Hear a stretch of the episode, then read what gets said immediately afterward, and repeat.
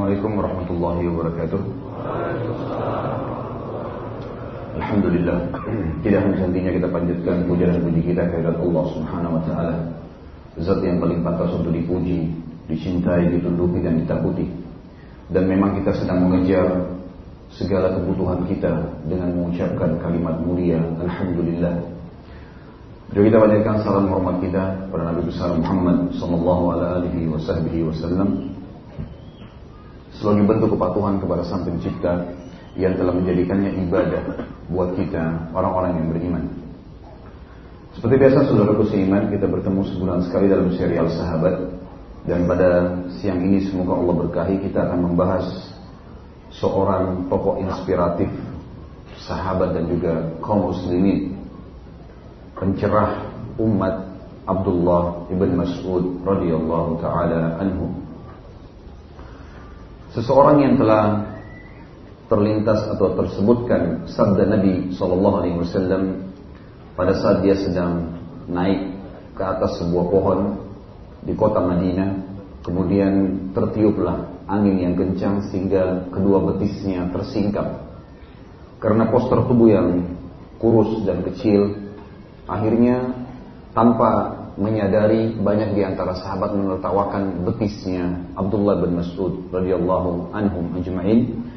Maka kata Nabi SAW, apakah kalian menertawakan betisnya Ibnu Mas'ud?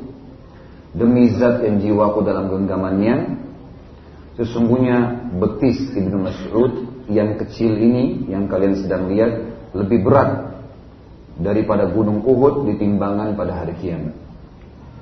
Kemudian juga sabda Nabi Shallallahu Alaihi Wasallam yang masyhur, siapa yang ingin mengambil Al-Quran dalam keadaan murni sebagaimana ia telah diturunkan, maka hendaklah dia membaca dan mengikuti bacaan Ibnu Ummul Abd atau Ibn Abdullah Ibn Mas'ud.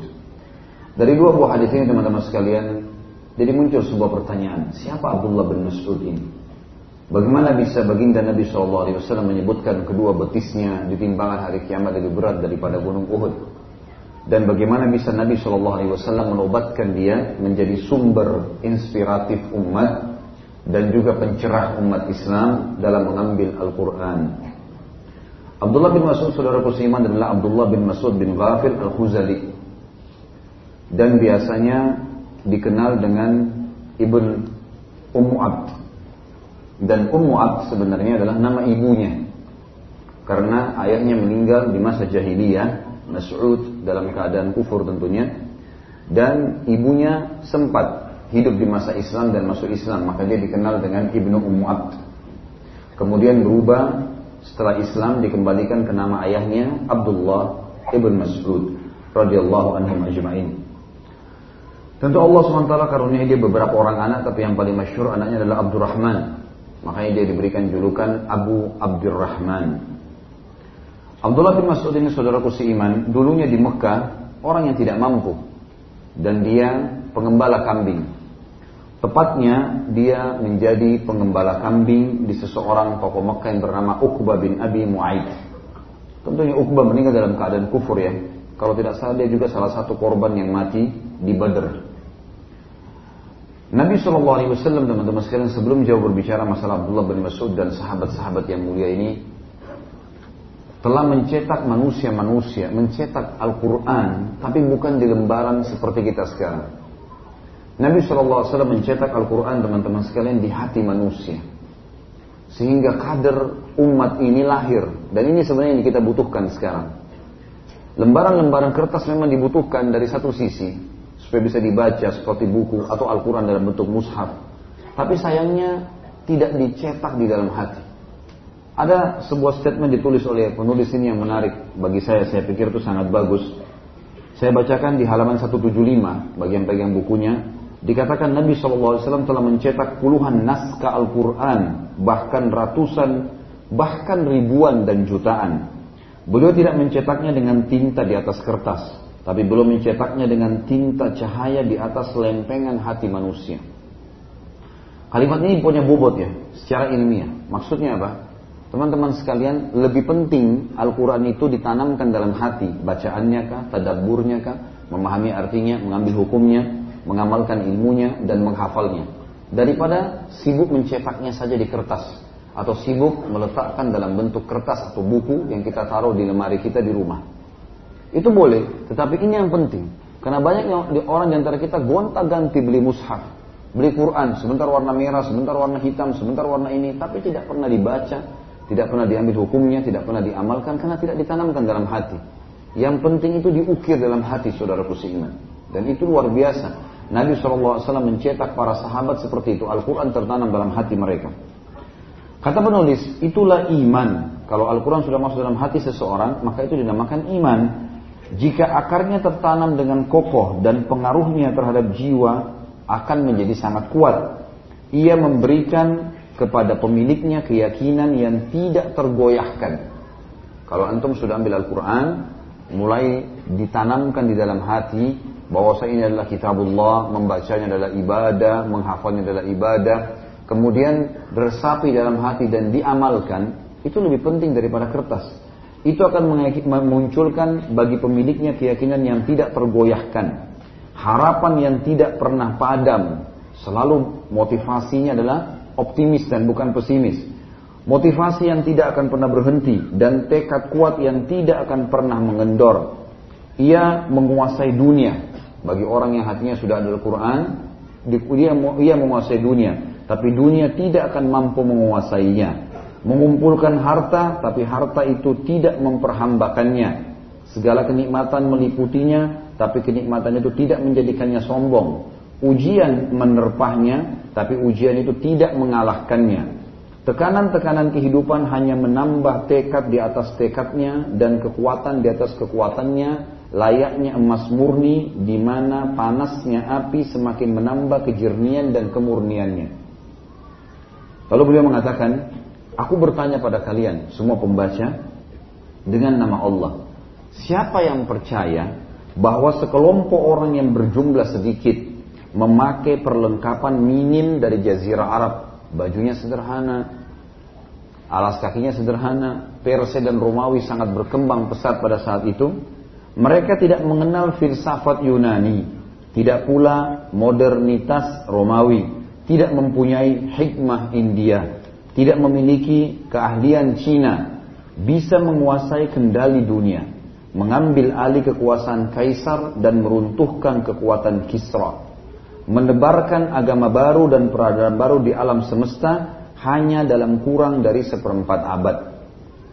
Kata beliau, jadi kesimpulan disampaikan adalah sahabat-sahabat yang kita bahas termasuk Abdullah bin Mas'ud nanti ini Orang yang ciri khasnya teman-teman sekalian disebutkan cirinya di sini ada di halaman 177. Dia berbadan kurus, orangnya pendek, kulitnya coklat gelap, wajahnya sangat sederhana.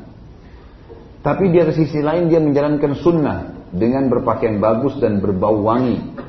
Dia menjadi hakim di Kufah dan Baitul Mal pada masa Umar bin Khattab dan juga awal pemerintahan Utsman bin Affan. Kecil fisiknya tidak berpengaruh masalah itu. Dan semua itu terjadi karena memang Al-Quran telah tertanam dalam hati dan terukir dalam hatinya. Bukan hanya sekedar lembaran kertas. Dan Nabi SAW tanamkan masalah itu. Nanti akan kita sebutkan teman-teman sekalian bagaimana si Abdullah bin Mas'ud sampai bisa menguasai Al-Quran. Ya, dan luar biasa menjadi tokoh Al-Qurannya sahabat. Nabi SAW suruh semua sahabat yang hidup pada masa itu ambil Al-Quran dari Abdullah bin Mas'ud. Karena orangnya sangat luar biasa. Bagaimana dia bisa menanamkan dalam hatinya Al-Quran itu sendiri. Abdullah bin Mas'ud terkenal sebagai seorang imam ulama, imam ulama, sahabat, fakih dan juga ahli fikih. Dia sendiri fakih, maaf, dia dia dia ahli fikih atau fakih, ya. Dia menguasai hukum-hukum dan juga zuhudnya umat ini.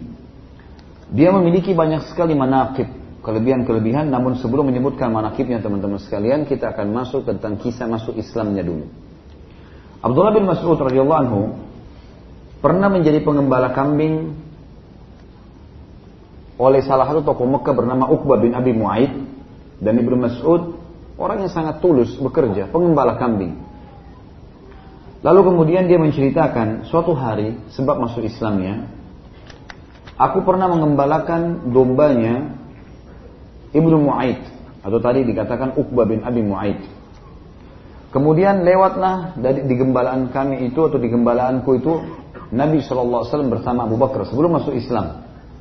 Lalu kemudian Nabi SAW mengatakan, Hai anak muda, apakah engkau memiliki susu? Maka dia mengatakan, aku tidak memiliki domba yang bisa mengeluarkan susu. Jadi ada sebenarnya kambing tapi tidak ada susunya. Kata Nabi SAW, tunjukkan kepadaku kambing betina yang belum pernah melahirkan. Justru sini adalah mujizat Nabi SAW. Maka Abdullah bin Mas'ud mengatakan saya pun mendekatkan seekor domba betina yang belum digauli oleh pejantannya, belum pernah hamil. Kemudian Nabi SAW pun memegang bagian putihnya tiba-tiba mengembang kemudian diisi dengan susu yang banyak. Lalu Nabi SAW bersama dengan Abu Bakar dan aku pun ikut meminumnya. Setelah selesai, Nabi SAW mengatakan kepada puting kambing itu, mengempislah. Maka tiba-tiba saja mengempis dan seakan-akan belum pernah mengeluarkan susu sebelumnya. Melihat kejadian tersebut, Abdullah bin Mas'ud tertarik dengan Nabi SAW. Lalu bertanya, siapa anda ini? Ya. Siapa yang bersama dengan anda Abu Bakar? Lalu Nabi SAW perkenalkan diri, lalu Abu Mas'ud pun tercengang mendengarkan kalau adalah seorang Nabi. Lalu tanpa menunggu, dia pun langsung mencari tempat Nabi Shallallahu Alaihi Wasallam, menanyakan alamat, lalu datang, kemudian mengatakan, ya Rasulullah, ajarkanlah kepadaku tentang perkataan yang anda sedang bawa. Maka Nabi SAW pun mengajarkan sambil berkata, engkau adalah anak yang terpelajar. Atau makna lainnya, kamu orang cerdas, kamu bisa belajar. Silakan belajar Islam itu. Lalu Abdullah bin Mas'ud pun syahadat dan beliau mengatakan aku telah mengambil 70 surah langsung dari mulut Nabi Shallallahu Alaihi Wasallam dan tidak ada seorang pun yang menyaingiku. Ini kalau Nabi kisah masuk Islamnya, radhiyallahu anhu dan kita akan masuk teman-teman ke manakib dan banyak sekali manakibnya ini. Saya waktu tulis seperti sudah habis sebenarnya tinta pulpen untuk menulis manakibnya atau kelebihan orang ini. Luar biasa radhiyallahu anhu, sahabat Nabi yang mulia secara fisik ya bisa dikatakan sedang atau bahkan kurang tetapi beliau menjadi ulamanya sahabat. Yang pertama teman-teman dia adalah orang yang keenam masuk Islam. Dan ini sebuah fadilah. Orang yang keenam masuk Islam. Kemudian yang kedua, dia telah menghadiri semua peperangan baginda Nabi Shallallahu Alaihi Wasallam dan sudah cukup saja kalau dia sempat menghadiri Badr tahun 2 Hijriah. Dan kita sudah tahu semua yang hadir di Badr ya, dijamin surga dan diampuni segala kesalahannya kalaupun mereka melakukan setelah selesai Badar. Kemudian juga dia menghadiri perang Yarmuk sampai di zaman Umar bin Khattab dan pada saat itu dia menjadi penanggung jawab terhadap pembagian ghanimah. Dan ini juga kedudukan yang sangat tinggi karena ini harus membutuhkan amanah. Dan perang Yarmuk kita sudah tahu terjadi di tahun 15 Hijriah pada saat ekspansi Islam ke negeri Syam dan ini sudah saya jelaskan di kisah Umar radhiyallahu anhu ajma'in. Kemudian yang ketiga, beliau juga bertugas secara khusus dan ini sebuah pelajaran juga teman-teman sekalian kalau Nabi SAW itu memiliki pelayan-pelayan dan tidak salah kalau seorang muslim memiliki banyak orang yang melayaninya. Nabi SAW itu punya pelayan khusus yang menyiapkan sendalnya pada saat beliau mau keluar SAW. Dan ini bukan istrinya. Dari para sahabat. Ada yang menyiapkan siwaknya, ada yang menyiapkan pelana kuda dan untahnya, ada yang menyiapkan e, tempat duduknya, Sallallahu Alaihi Wasallam, ada yang menyiapkan pakaiannya. Jadi Nabi Sallallahu Alaihi Wasallam memiliki banyak pelayan. Salah satu pelayan Nabi SAW yang selalu siap untuk mengurus siwak, sendal dan juga air wuduknya Nabi SAW adalah Abdullah bin Mas'ud. Dan ini disebutkan di buku kita di halaman 176 riwayatnya. Tentu teman-teman sekalian mungkin antum mengatakan siwak, sendal, apa kelebihannya? Ini bukan siwak sendalnya seseorang di antara kita ya, tapi siwak dan sendal Nabi Shallallahu Alaihi Wasallam. Ini berarti kemuliaan bisa melayani manusia terbaik umat manusia umat manusia ini semuanya dan Nabi bahkan Iyas al-Muzani radhiyallahu anhu rahimahullah seorang ulama tabi'in pernah diberikan apel dari tangannya Anas bin Malik radhiyallahu anhu, sahabat Nabi. Anas bin Malik pembantunya Nabi. Ya. Ini sudah pernah kita jelaskan biografinya dulu, sudah lewat tentunya. Anas bin Malik membantu Nabi SAW dan beliau pernah memberikan hadiah di akhir hidupnya, gitu kan, sebelum meninggal dunia. Karena umurnya sampai 100 tahun dan dipanjangkan umurnya oleh Allah SWT sesuai dengan doa Nabi SAW. Lalu salah satu yang bertemu dengannya muridnya namanya Iyas Al-Muzani. Tabi'in yang masyhur dengan ilmunya dan kecerdasannya. Pernah dikasih apel oleh Anas bin Malik. Lalu Iyas Al-Muzani seorang ulama sah, uh, tabi'in. Orang-orang tahu dia siapa, seorang alim. Lalu dia mengambil apel tersebut dan mencium apel itu. Lalu kemudian murid-muridnya bertanya, kenapa anda mencium apel itu? Dia bilang bagaimana saya tidak menciumnya. Saya mendapatkan apel dari tangan yang pernah bersentuhan dengan tangannya Rasulullah SAW. Begitu luar biasanya mereka memuliakan Nabi SAW. Gitu kan. Artinya memang ini luar biasa, karunia luar biasa. Nah, apalagi ini Abdullah bin Mas'ud punya tugas setiap mau udu, setiap mau pakai sendal, setiap mau bersiwak dia yang bertugas. Nabi tidak kasih yang lainnya. Khusus dia saja yang urus itu. Maka siwak Nabi SAW dia yang potongin, dia yang bersihin, diambilkan siwak baru. Sendalnya selalu dia yang bersihin, dia yang tata setiap kali Nabi SAW mau keluar. Maka itu sebuah karunia berarti di mana pun Nabi SAW melangkah dia dapat pahalanya karena dia yang siapin sendalnya. Nabi SAW bersiwak dengan menggunakan itu ada pahalanya. Boleh maksud juga panen. Wudhu setiap kali Nabi SAW mau sholat maka dia yang siapkan air wudhunya. Dia panen sholat Nabi SAW dan Nabi SAW adalah Nabi serta imam kaum muslimin pada saat itu. Jadi ini fadilah memang. Bukan hanya sekedar masalah siapin sandal atau tempat wudhu, tapi semua ada fadilahnya. Kemudian yang keempat teman-teman sekalian, dia dan Hudzaifah ibn Yaman. Banyak di antara kita hanya mengenal Hudzaifah saja yang sebagai sahibus sir Nabi Wasallam.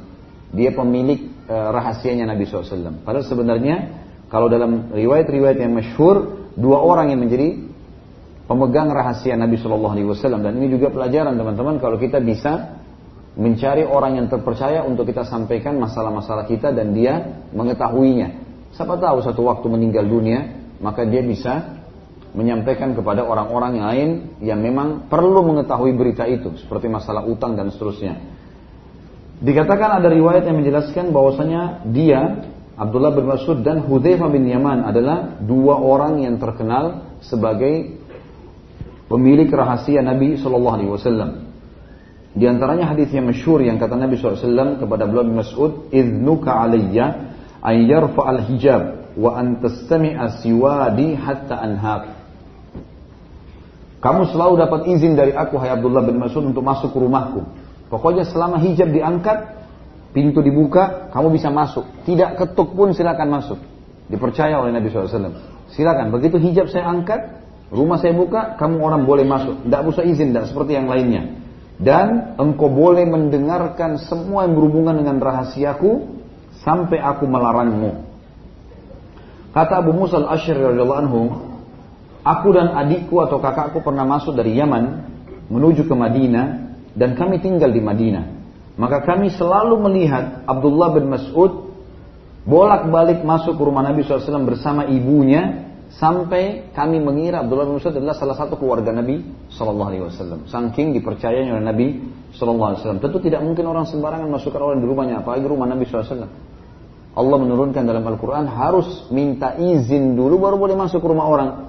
Tapi Nabi SAW memberikan kepada Abdullah Mas'ud kelebihan itu. Yang kelima teman-teman sekalian, kelebihan dia adalah dia orang yang sangat mirip dengan Nabi Shallallahu Alaihi Wasallam dalam segala seluk beluk perilakunya dan ibadahnya. Sebagaimana Hudzaifah bin Yaman radhiyallahu anhu mengatakan, Inna ashbahan nasi dalan au fi'lan wa halan. Sesungguhnya orang yang paling mirip baik itu perilaku ataupun keadaan, wasamtan atau khusyuk dan kehusyuan dalam ibadah, wahadian dan petunjuk-petunjuk yang disampaikan oleh Nabi SAW, labnu ummi abdin hatta yakhruja hatta yakhruj ya. Uh, hatta yakhruja min baitihi ila an yarji ilaih. Orang yang paling mirip dengan Nabi SAW baik perilaku dan keadaan serta kehusyuan dalam ibadah dan segala macam petunjuk-petunjuk yang kami ketahui dari Nabi SAW adalah Ibnu Ummi Abd.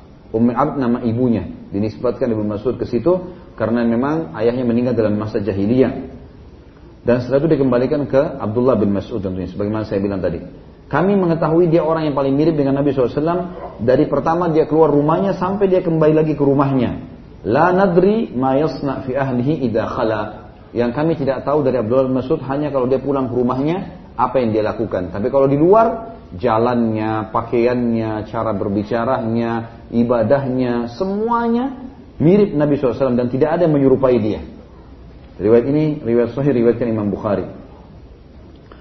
Kemudian juga dikatakan dalam riwayat yang lain, Alim as-sahaba anna Ibnu Mas'udin aqrabun nas wasilatan lin Nabi sallallahu alaihi wasallam. Hadis sahih riwayat Imam Ahmad. Semua sahabat sepakat bahwasanya Abdullah bin Mas'ud adalah orang yang paling dekat secara contoh, perilaku, ibadah kepada Nabi Shallallahu Alaihi Wasallam sehingga para sahabat berlumba-lumba untuk mencontohi perilakunya. Padahal belum Mas'ud waktu itu masih muda ya, masih banyak sahabat yang lebih tua. Yang keenam, dia adalah salah satu dari enam orang yang telah turun firman Allah kepadanya. Yang bunyinya, A'udzubillahi rajim. Ayat ini tentunya turun uh, surah Al-An'am surah nomor 6 ayat 52 turun pada saat Nabi SAW sedang duduk bersama enam orang sahabat ini. Salah satunya adalah Abdullah bin Mas'ud. A'udzu billahi minasyaitonir rajim wa la tatrudil ladzina yad'una rabbahum bil ghadati wal 'ashyi yuriduna wajha ma 'alaika min hisabihim min syai' wa ma min hisabika 'alaihim min syai' fatatrudahum fatakuna minadh dhalimin. Waktu Nabi SAW lagi duduk dengan enam orang ini, datang beberapa tokoh-tokoh Quraisy yang kaya-kaya, Abu Jahal, Abu Lahab datang semua dan mereka berkata, Hai Muhammad, mau kau, apakah kamu mau kami dengar apa yang kamu sampaikan? Kami jadi pengikutmu? Kata Nabi SAW, tentu saja. Kata mereka apa? Keluarkan orang-orang ini. Ini orang-orang semua budak-budak, orang miskin, keluarkan dari depan. Maka kami akan duduk mendengarkan. Waktu itu sempat Nabi SAW berpikir untuk memberdirikan enam orang ini, gitu kan? Kemudian diganti oleh tokoh-tokoh Quraisy. Namun Nabi SAW batalkan karena turun firman Allah ini.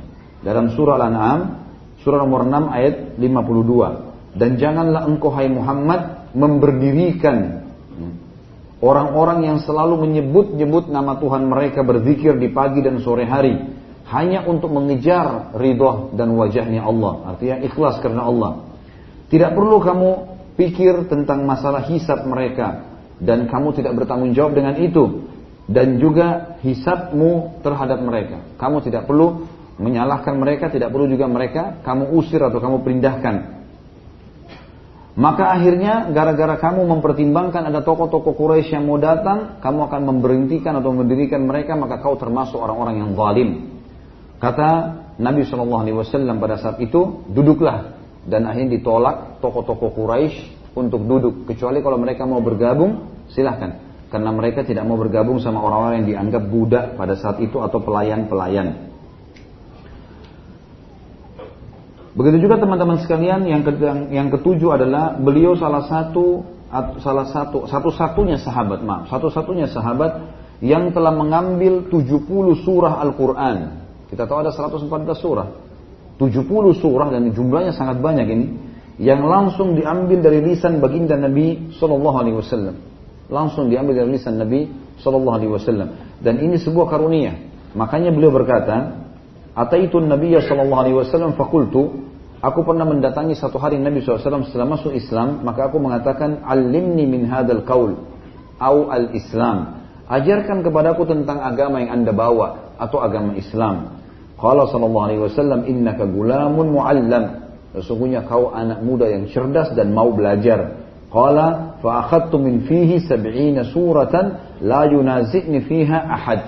Maka aku mengambil dari mulut Nabi sallallahu alaihi wasallam 70 surah secara langsung yang tidak ada seorang pun bisa mengalahkanku di 70 surah itu. Atau menyaingi itu tentunya. Juga teman-teman sekalian, beliau punya kelebihan yang kedelapan adalah orang yang pertama membaca Al-Quran di hadapan Quraisy secara terang-terangan. Walaupun beliau sempat dipukulin sampai berdarah-darah. Dan itu disebutkan kisahnya di halaman 180 sampai 181 di mana Abdullah bin Mas'ud pernah melihat orang-orang Quraisy ya pada saat melihat kaum muslimin selalu memukulnya. Lalu beberapa sahabat berkata satu sama yang lain, siapa kira-kira yang berani membaca Al-Quran di hadapan mereka? Siapa tahu mereka akhirnya bisa tersentuh. Maka Abdullah bin Mas'ud mengatakan, aku.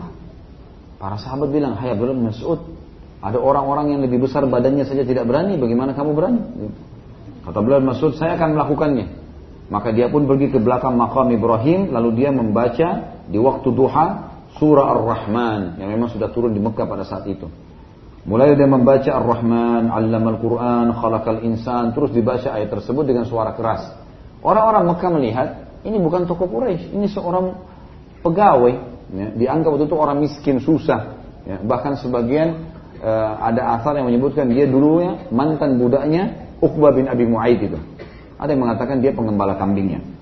Maka Abdullah bin Mas'ud pun dikerumuni oleh orang-orang Quraisy. Lalu mereka berkata, apa yang kamu baca hai ibnu Ummu Abd? Maka dia mengatakan Al-Quran. Lalu orang-orang Quraisy pun menyerang menyerangnya sampai ya, membuat kulitnya terkelupas. Dan Ibnu Mas'ud pun terus membaca tanpa memperdulikan walaupun wajahnya sudah dipenuhi dengan darah. Sampai dia menyelesaikan akhir surah yang turun dari Ar-Rahman. Kemudian dia kembali ke Darul Arkam dan ternyata para sahabat merasa kasihan melihatnya karena wajahnya penuh dengan darah tadi. Lalu mereka berkata, "Hai Ibnu Mas'ud, cukuplah Jangan engkau ulangi lagi. Kata Ibnu Mas'ud waktu itu menghadap wajahnya ke arah Nabi SAW lalu mengatakan, Ya Rasulullah, kalau seandainya anda mau, besok aku akan mengulanginya. Jadi ini menandakan sebuah fadilah yang luar biasa. Bagaimana pada saat itu masih banyak orang yang takut memperdengar Al-Quran, tapi dia datang dengan poster tubuh yang kecil, tapi keimanan yang kuat, dia membaca Al-Quran di depan mereka. Kemudian teman-teman sekalian, salah satu kisah yang unik adalah Bagaimana uh, fadilah atau manakib yang kesembilan, dia adalah salah satu yang membunuh Abu Jahal. Abu Jahal. Tentu ini disebutkan di halaman 184 kalau yang pegang bukunya. Saya pernah sebutkan teman-teman sekalian tentang kematian Abu Jahal di perang Badr. Abu Jahal adalah seorang raja Mekah kalau kita bisa bahasakan waktu itu ya. Walaupun memang di Mekah banyak kepala-kepala suku yang memimpin dan dia punya julukan di Mekah Abu Hakam. Dia sempat hadir di perang Badr dan memang terbunuh di situ. Ada riwayat yang menjelaskan dia mati karena tebasan pedangnya anak adik kakak Muaz dan Muawwid. Dua orang anak muda Ansar kalau masih ingat ceritanya yang mendatangi Abdurrahman bin Auf radhiyallahu anhu ajma'in. Lalu adiknya berkata, kakaknya berkata, "Hai paman, mana Abu Jahal?" Kata Abdurrahman, "Nanti kalau saya lihat, kenapa kau cari dia?" kata Muawwid, eh, kata Mual si kakak, saya ingin membunuhnya. Saya mengetahui kalau dia orang yang paling suka menyakiti Nabi SAW di Mekah. Kata Abdurrahman nanti kalau saya lihat saya akan tunjukkan. Kemudian datang Muawwid si adiknya di sebelah kirinya Abu Abdurrahman dan berkata, Hai paman. Dia tidak dengar kakaknya tadi ngomong apa. Tanpa disengaja nih. Dia mengatakan, Hai paman, mana Abu Jahal? Kata Abdurrahman, kenapa kau tanya? Ini perang lagi berkecamuk ya. Lalu kata kata anak Muawwid ini si adik, dan ini pada saat itu Mu'ad berumur 16, si Muawid umur 15. Lalu kata Muawid, saya tahu dia dengar, saya dengar dia paling banyak menyiksa Nabi SAW di Mekah, saya ingin membunuhnya. Kata Abdurrahman, baiklah, saya akan tunjukkan kalau sudah terlihat. Kata Abdurrahman, begitu saya lihat Abu Jahal dari jauh, semuanya besi dari kepalanya sampai kaki kudanya. Bukan kaki dia saja, semua kudanya pun dilapisi dengan besi dan terlihat cuma matanya. Saya mengatakan, itulah Abu Jahal. Kata Abdurrahman, demi Allah, belum selesai kalimat saya mengatakan jahal, maka keduanya melejit seperti anak panah yang lepas dari busurnya, kemudian menembus barisan pasukan yang membela Abu Jahal sampai keduanya menebaskan pedangnya. Dan akhirnya Muawwidh mati terbunuh, si adik mati syahid di situ dan Mual sempat melarikan diri tapi setelah menebaskan pedangnya di paha Abu Jahal dan berdarah dan Abu Jahal pun jatuh. Ada riwayat yang menjelaskan Abu Jahal mati karena ini. Abu Jahal mati karena tebasan ini dan perang Badar dimenangkan karena, karena Abu Jahal jatuh. Dan Mu'al akhirnya keluar dari medan perang karena dia rasa tangannya sempat kena tebasan dan dia sempat ikat dengan imamahnya tangan kanannya tapi e, dia merasa mengganggu. Dicabutlah imamah itu kemudian tangannya diinjak dengan kakinya, dicabut telapak tangannya atau lengan lengannya sebelah kanan lalu dia masuk medan perang dengan tangan kiri sampai dia terbunuh mati syahid. Dan waktu itu umurnya 15 dan 16 tahun. Ini luar biasa iman mereka.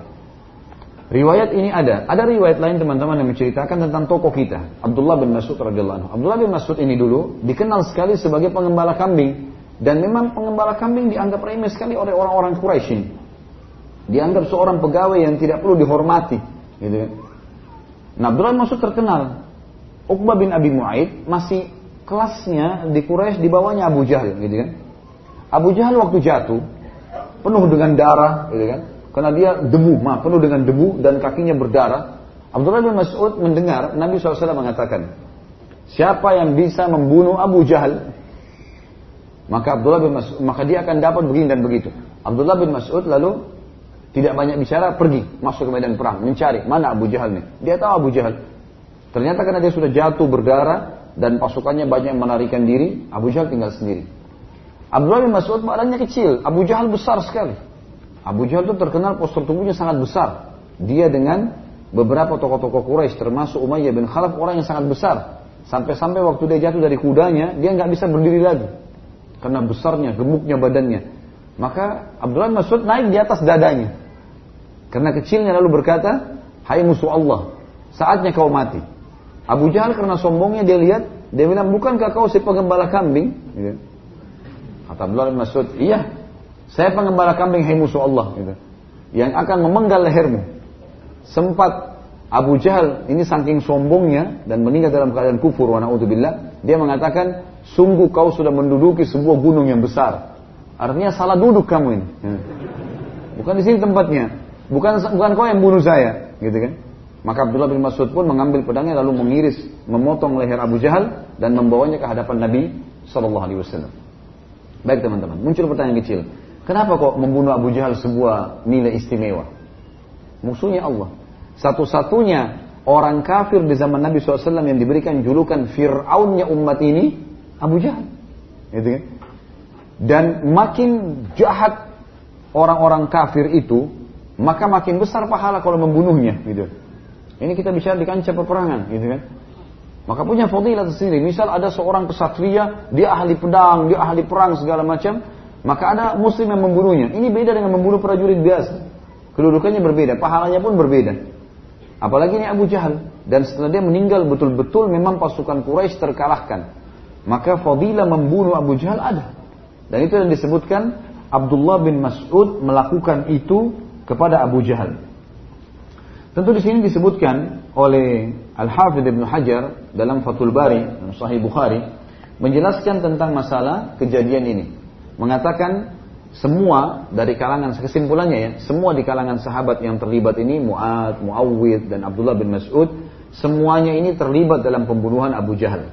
Kalau kita gabungkan kedua sahabat tadi yang masih muda memang sempat melukai Abu Jahal dan mereka pasti akan mendapatkan pahala itu dan Abdullah bin Mas'ud yang mengeksekusi terakhir. Yang ke-10 teman-teman sekalian, dia adalah salah satu dari empat orang yang diperintahkan oleh Nabi Shallallahu Alaihi Wasallam untuk mengambil Al-Quran darinya. Dan ini kalau yang pegang bukunya ada di halaman 185, tapi saya bacakan hadisnya. Kata baginda Nabi Shallallahu Alaihi Wasallam, istakriul Qur'an min arba'ah. Istakra'ul Qur'ana min arba'ah. Kalian harus belajar baca, store bacaan, store hafalan Al-Quran dari empat orang. Disebutkan yang pertama min Abdullah bin Mas'ud dari Abdullah bin Mas'ud.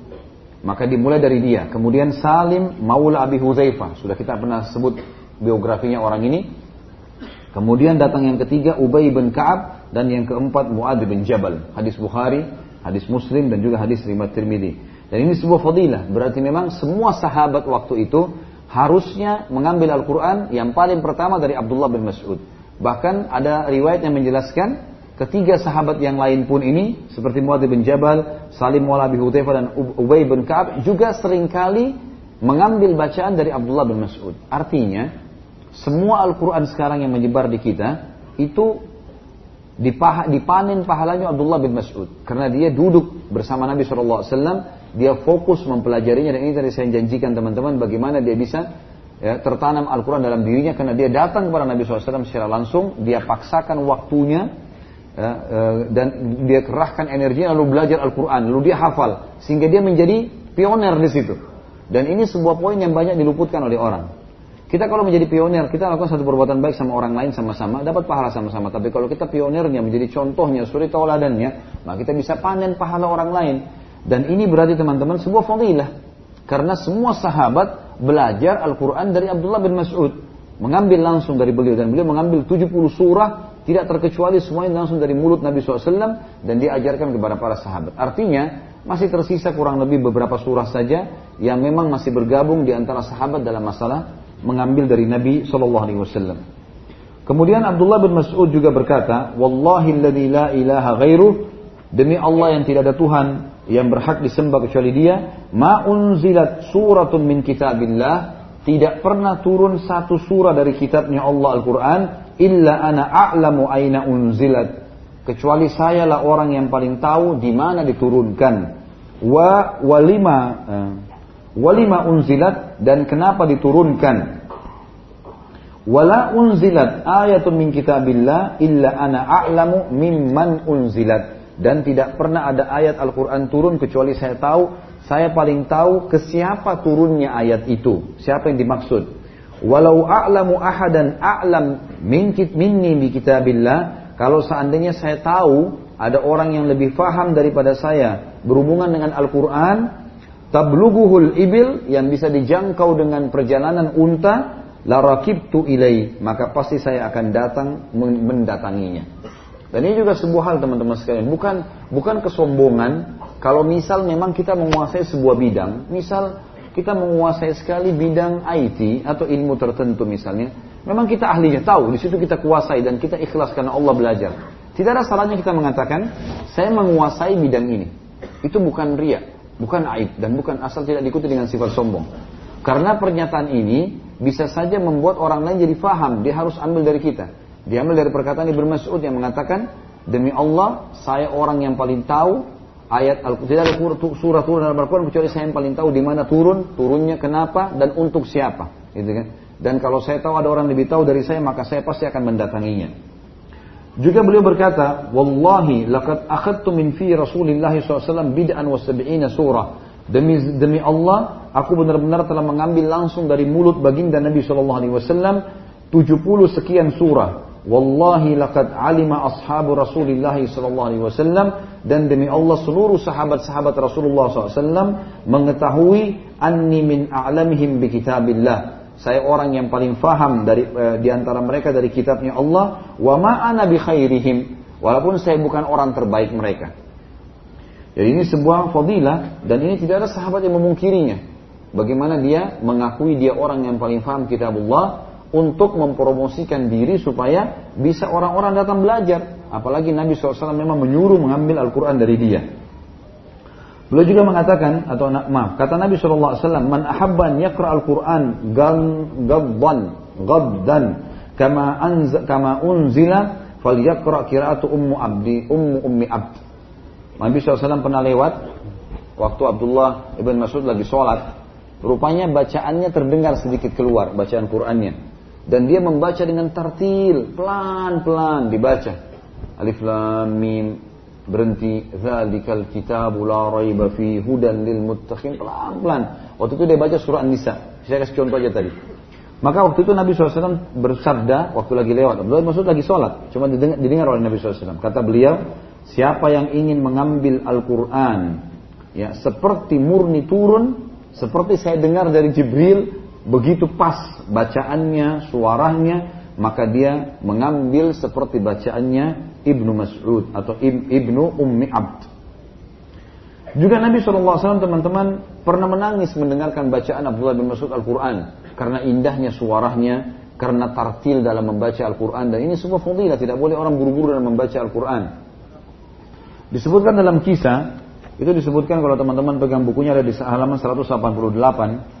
Saya akan sebutkan, Abdullah bin Mas'ud berkata, saya pernah mendatangi Nabi Shallallahu Alaihi Wasallam, lalu beliau mengatakan, Iqra alayyal Quran. Baca Al-Quran untuk saya, Abdullah bin Mas'ud. Qultu ya Rasulullah, akra'u alaika wa alaikal unzil. Apakah ya Rasulullah, saya baca untuk anda sementara untuk anda turun Quran itu anda sudah dengar dari Jibril. Kata Nabi SAW, Qala inni ashtahi an asma'ahu min ghairi. Saya ingin sekali mendengar dari orang selain saya. Maksudnya dari manusia. Faqara'tu alaihi surat An-Nisa. Maka aku pun membacakan surah An-Nisa. Hatta balagtu sampai saya mencapai firman Allah. A'udhu billahi minasyaitonir rajim. Faqaifa idza ji'na min kulli ummatin bisyahidin wa ji'na bika ala haula'i syahida. Bagaimana hai Muhammad bila kami datangkan kau pada hari kiamat untuk menjadi saksi terhadap umat-umat manusia dan kami eh, bagaimana kalau kami mendatangkan kalian hai kaum muslimin dan kami datangkan juga kau hai Muhammad menjadi saksi buat umat-umat sebelum kalian. Fagamazani birijlih. Maka tim tanpa sengaja Nabi SAW menyentuh kakiku dengan kaki beliau faida ainahu tadrifan. Maka saya melihat kedua mata Nabi SAW ya keluar mengeluarkan air mata. Dan ini kata para ulama tidak pernah ada disebutkan kalau ada sahabat yang seperti ini yang memang Nabi SAW mendengarkan ayat lalu menangis dan ini sebuah fadilah sendiri kemudian yang ke sebelas teman-teman dia juga mustajab doa Orang yang kalau berdoa selalu diterima oleh Allah Subhanahu wa taala. Dan juga Nabi wasallam memerintahkan agar berpegang pada wasiatnya Abdullah bin Mas'ud.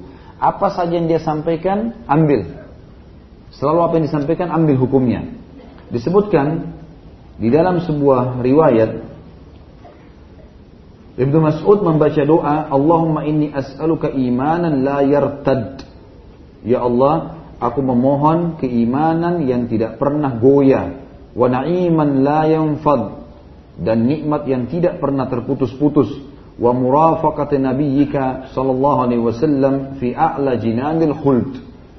Dan saya selalu bersama dengan nabimu, menemani nabimu di surga yang tertinggi dan kekal. Faqala Nabi SAW, Udu'u wa yustajabu lak. Berdoalah semamu Ibn Mas'ud, pasti akan diterima darimu.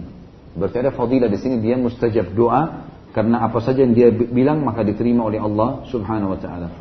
Nabi SAW juga berkata dalam hadis yang sahih riwayat Hakim, riwayat Trimidi juga e, diriwayatkan oleh Ibnu Majah, "Iqtadu bil ladaini min ba'di min ashabi." Setelah saya meninggal, ambil hukum-hukum dari dua orang sahabatku ini, Abu Bakar dan Umar.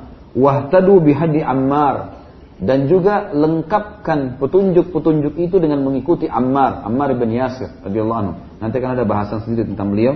Wa tamassaku bi ahdi Ibnu Mas'ud dan berpegang teguhlah pada wasiatnya Ibnu Mas'ud.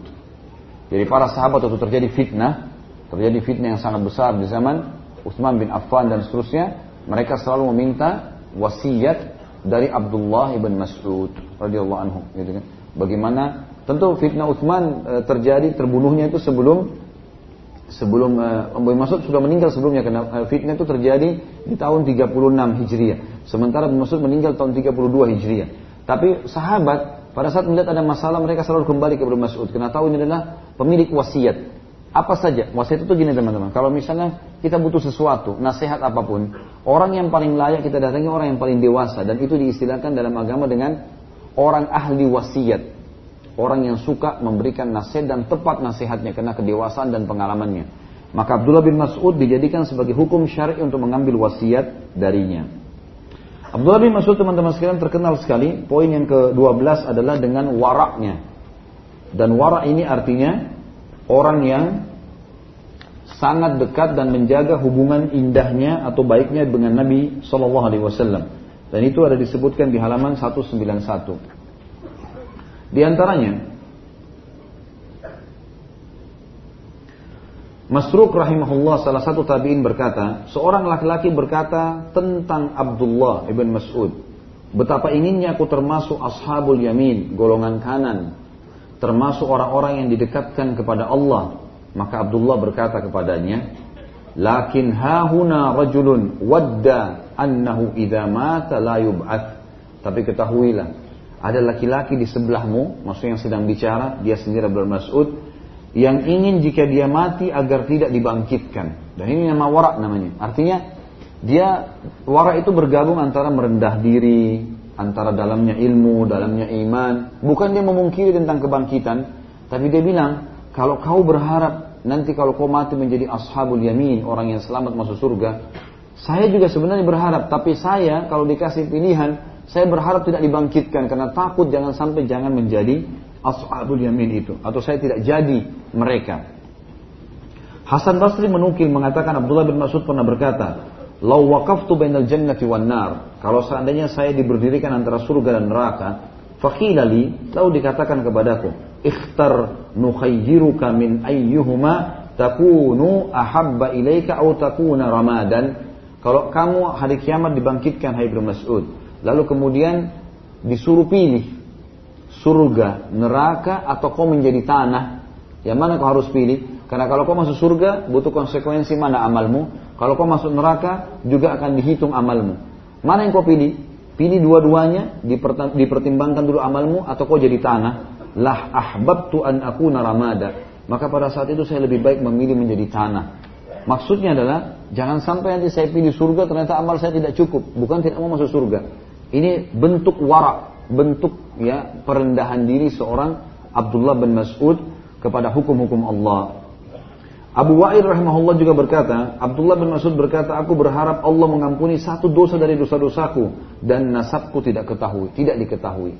Ini semua kalimat-kalimat warak. Artinya, aku berharap kalau semua dosaku ada, lalu aku beristighfar kepada Allah dan aku tahu ada satu saja dosa yang dimaafkan oleh Allah, itu sudah cukup. Aku sudah luar biasa bersyukur kepada Allah. Bukan maksudnya tidak mau diampuni dosanya, bukan. Tapi dia tidak tahu sekarang. Dia tinggal harus menjalankan. Karena merendahnya dia mengatakan, Aku berharap kalau ada dosaku yang Allah sudah ampuni, aku bersyukur. Apalagi kalau diampuni semuanya. Dan aku berharap nasabku tidak diketahui. Artinya, jangan sampai aku terkenal, akhirnya nanti aku jadi lupa daratan. Aun bin Abdullah dari saudaranya Ubaidillah rahimahumullah berkata, jika orang-orang telah tidur maka Abdullah berdiri untuk sholat. Kemudian aku mendengar dengungan seperti suara lebah karena bacaan Al-Qur'annya. Ini semua contoh-contoh warak. Tentu warak banyak sekali contohnya teman-teman sekalian seperti juga orang menjaga kesucian kehormatan dengan Allah. Jangan sampai melanggar bukan yang haram tapi yang makruh. Seperti misalnya antum berusaha untuk tidak makan berdiri dan minum berdiri, maka namanya warak. Berusaha untuk tidak melihat yang haram walaupun itu tidak disengaja. Itu juga adalah warak. Semuanya sama, gitu kan? Dan ini bagian-bagian daripada warak itu sendiri. Abdullah bin Mas'ud terkenal dengan kewaraannya. Juga Abdullah bin Mas'ud, ini fadilah yang ke-12 memiliki ya, sifat tawadu dan tawadu dengan warak ada bedanya sedikit kalau tawadu lebih banyak kepada masalah fisik merendah ya merendah secara fisik dan itu disebutkan juga panjang lebar di halaman 192 sampai 194 saya pilihkan di antara tawadunya dinukil dari Hubair bin Abi Thabit rahimahullah ia berkata pada suatu hari Ibnu Mas'ud keluar lalu orang-orang mengikutinya Ibnu Mas'ud berkata kepada mereka apa keperluan kalian ikuti saya dia keluar dari rumahnya, orang-orang pada ikut semua karena orang-orang tahu dia ulama. Mau dengar sesuatu mungkin, mau lihat, mau temanin gitu. Maka mereka menjawab, "Tidak, kami hanya ingin berjalan denganmu." Maka Abdullah bin Mas'ud berkata, "Pulanglah kalian." Karena hal itu adalah kehinaan bagi orang yang mengikuti dan fitnah bagi orang yang diikuti. Sangat tidak mau untuk diikuti oleh orang-orang kalau bukan karena masalah khusus mau bertanya masalah hukum, jadi dia tidak mau nanti dikenal oh ramai itu orang semua tahu ini dalam bulan masuk dia dia hindari itu. Kecuali memang dalam keadaan-keadaan dalam majelis-majelisnya di masjid seperti ada riwayat juga menyebutkan beliau buka majelis di masjid maka orang ramai datang itu dibiarkan. Tapi kalau khusus dia keluar dari rumahnya lalu diikuti orang dia sangat tidak mau dan dia mengatakan pulanglah. Kalau itu saja niatnya mau temani saya jalan pulanglah karena itu akan menjadi fitnah ya. Itu akan menjadi kehinaan bagi orang yang mengikuti. Kau kalian akan terhina seakan-akan diri kalian butuh orang bodoh padahal sebenarnya tidak dan juga akan jadi fitnah bagi orang yang diikuti. Dan ini bentuk tawadhu, merendah. Al Harith bin Suwaid rahimahullah berkata, Abdullah berkata, seandainya kalian mengetahui apa yang aku ketahui dari diriku, niscaya kalian akan menaburkan pasir ke kepalaku. Bukan maksud orang yang sangat luar biasa ibadahnya. Tapi dan kedudukannya di sisi sahabat, apalagi dalam Islam. Tapi beliau mengatakan supaya tidak ada kesombongan, kalau seandainya kalian tahu apa yang aku tahu tentang diriku, artinya banyaknya kesalahan-kesalahanku, maka kalian akan letakkan pasir di kepalaku. Bukan cuma ikuti, maka kalian akan letakkan pasir. Supaya orang jangan terlalu fanatik dengan beliau radhiyallahu anhu. Kemudian disebutkan juga teman-teman sekalian di dalam buku kita ini beberapa riwayat yang menjelaskan sambungan dari gabungan masalah warak dan tawadu itu. Di antaranya Ibnu Mas'ud radhiyallahu anhu sangat mencintai Nabi Shallallahu alaihi wasallam, menghargai beliau dan takut menyampaikan suatu perkataan dari beliau dengan menambah satu kata atau dengan mengurangi satu huruf.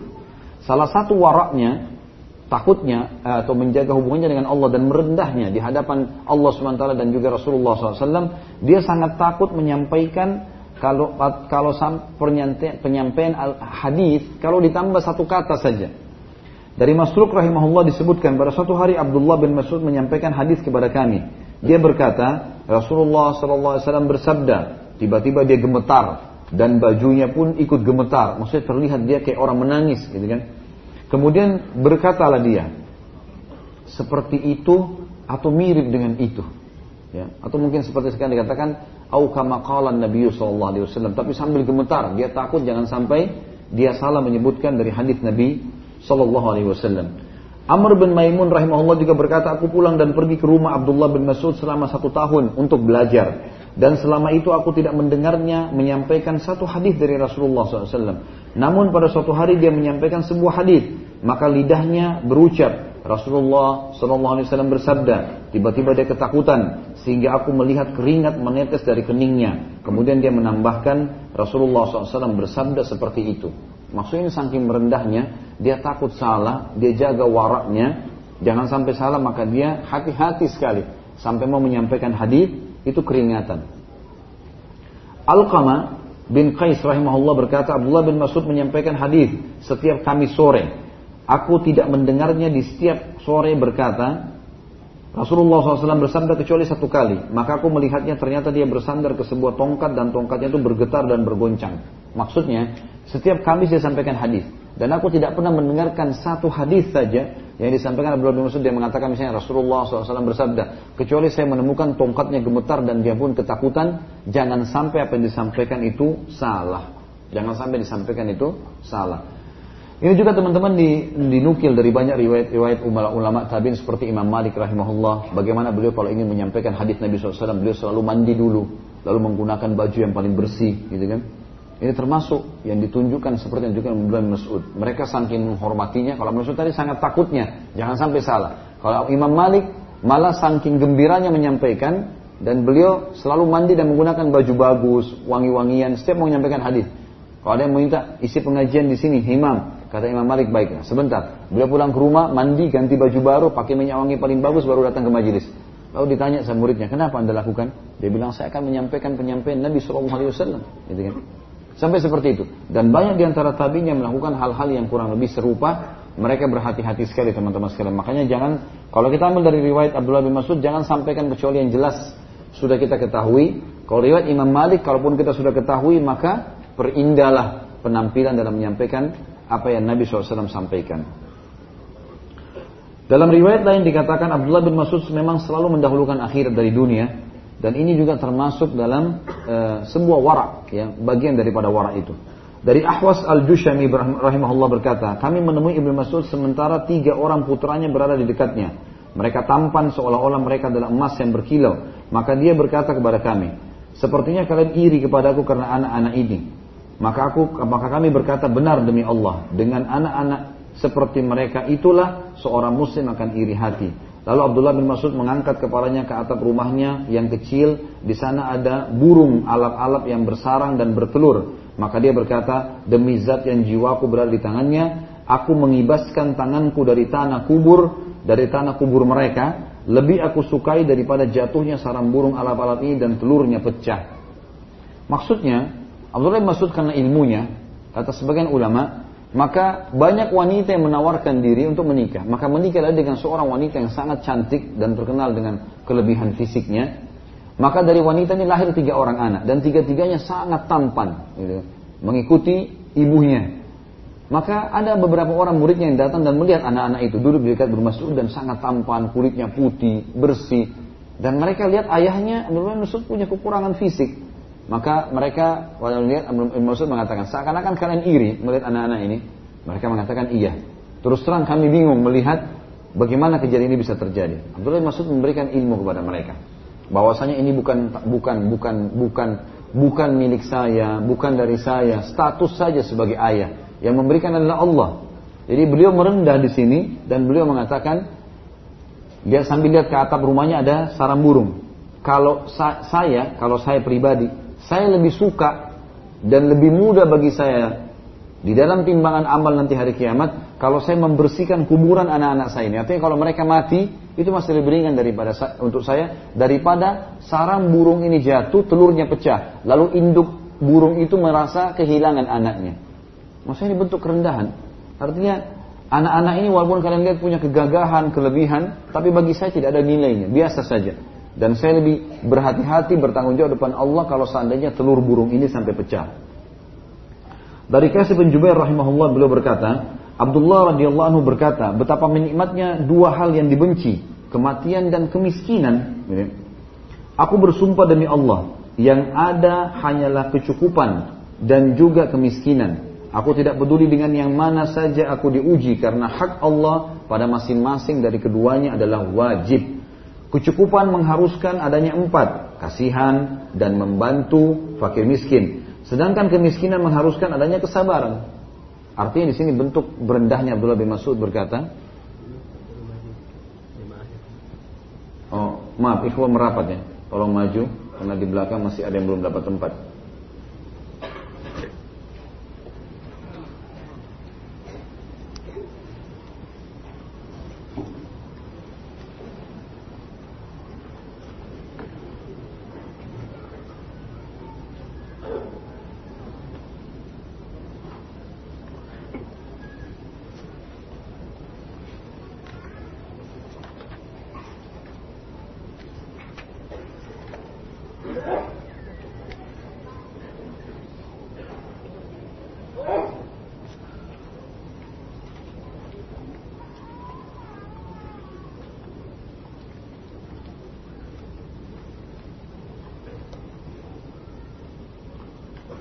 Abdullah bin Mas'ud radhiyallahu anhu, beliau menyampaikan kalimat ini artinya coba merendah dan coba berusaha yang akhwat juga tolong. Akhwatnya juga di belakang. Tolong merapat karena di belakang di luar akhwatnya sudah ada yang tidak dapat tempat. Tolong merapat kerjasamanya. Makasih. Abdullah bin Mas'ud juga radhiyallahu anhu mengatakan di sini sebagai bentuk kerendahan, saya sangat suka dengan kemiskinan dan juga kecukupan ya. Maaf, kematian dan kemiskinan. Kematian dan kemiskinan. Jadi banyak orang yang benci dengan dua hal ini. Takut mati, takut miskin. Abdullah Masud malah mengatakan, saya sangat suka dengan dua hal ini. Kematian dan kemiskinan. Karena kematian itu akan selalu membuat seseorang berhati-hati dalam dalam melangkah. Sehingga dia hanya menikmati apa yang diperintahkan, apa yang dihalalkan dan meninggalkan dilarang. Dan kemiskinan akan merasa akan mengetahui nilai daripada nikmat yang sedang diberikan. Sehingga dua hal ini semestinya jangan dibenci. Seperti itulah kurang lebih wasiat Abdullah bin Mas'ud radhiyallahu anhu. Abdullah bin Mas'ud teman-teman sekalian memiliki kedudukan yang sangat tinggi di kalangan para sahabat. Ya. Sebagaimana juga di kalangan Nabi SAW, di, hadapan Nabi SAW ya. Sebagaimana sudah kita sebutkan hadisnya tentang masalah eh, apa namanya betisnya yang lebih berat daripada tim, dari gunung Uhud di timbangan amal hari kiamat, disuruh ambil Al-Quran darinya, disuruh ambil wasiat darinya. Ini semua adalah kelebihan yang dimiliki. Tapi ada fadilah yang lain adalah e, yang ke-14 teman-teman sekalian setelah kita jelaskan tadi tawaduknya, poin 13 dan poin 12 waraknya, maka poin ke-14 adalah kedudukannya di sisi para sahabat dan bagaimana para sahabat memuji keilmuan Abdullah bin Mas'ud. Disebutkan di halaman 194, Ibnu Mas'ud di zaman Khalifah Umar bin Khattab ditunjuk menjadi penulis surat ke penduduk Kufah. Kemudian isi surat itu disuruh Abdullah Mas'ud bawa ke sana, ke negeri Kufah dan Kufah ini teman-teman di Irak wilayah yang banyak sekali fitnah pada saat itu. Jadi banyak fitnah dan kita tahu terbunuhnya Eh, kasus ter, uh, perang Jamal, perang Unta terjadi antara Ali dengan Aisyah radhiyallahu anha antara Ali sama Muawiyah semua terjadi karena penduduk wilayah Irak terutama Kufa ini. Ini jadi masalah. Maka butuh orang yang luar biasa bisa menguasai mereka, bisa menasihatin mereka. Umar bin Khattab waktu itu dengan sangat tegas dia cari orang siapa kira-kira yang paling tepat. Dipilih Abdullah bin Mas'ud. Lalu isi suratnya kepada penduduk Kufa, sesungguhnya aku telah mengutus Ammar kepada kalian sebagai gubernur. Ammar bin Yasir jadi gubernur, gitu kan. Dan Ibnu Mas'ud sebagai pendidik dan pendukung, pengawas. Keduanya termasuk sahabat Muhammad yang terpilih dan termasuk sahabat yang ikut dalam perang Badar. Dengarkanlah kata-kata mereka berdua dan teladanilah keduanya. Aku mementingkan kalian dengan Abdullah bin Mas'ud daripada diriku sendiri. Kata para ulama, Umar bin Khattab melihat Bukan dia yang pergi ke sana, padahal dia khalifah dan dia mampu melakukannya dan dia adalah contoh yang baik, tapi dia menunjuk Abdullah bin Mas'ud sebagai pengajar di situ, pengawas dan harus diikutin. Ammar bin Yasir pun sebagai gubernur mengikuti Abdullah bin Mas'ud dalam keputusan. Kalau kita seperti hakim, dan Umar mengatakan, aku lebih mendahulukan Abdullah bin Mas'ud dari diriku sendiri. Orang-orang Kufah sangat mencintai Abdullah bin Mas'ud setelah dia datang dan akhirnya mereka mengambil ilmu dan setelah Abdullah bin Mas'ud datang terjadi perubahan total di Kufah karena dia datang dengan ilmunya. Dan satu hari disebutkan Zaid bin Wahab rahimahullah berkata, aku sedang duduk bersama Umar bin Khattab, tiba-tiba Ibnu Mas'ud datang dan hadirin hampir-hampir menutupinya dan menghalangi Umar bin Khattab. Umar bin Khattab lagi duduk khalifah. Dia datang dari Kufa, pas tiba di Madinah, mau salaman sama Umar, tiba-tiba orang kerumunin semua. Umar bin Khattab ditinggalkan pada saat itu oleh orang-orang, mengurumuni Abdullah bin Mas'ud. Karena dia pendek, pada saat itu ya, kondisinya pendek, fisiknya, maka Umar bin Khattab sempat tersenyum ketika melihatnya. Umar mulai berbicara kepadanya dan wajahnya berbinar karena gembira melihat Abdullah bin Mas'ud. Orang ini secara fisik punya kekurangan tapi luar biasa dikerumuni sama orang, disukain dan seterusnya.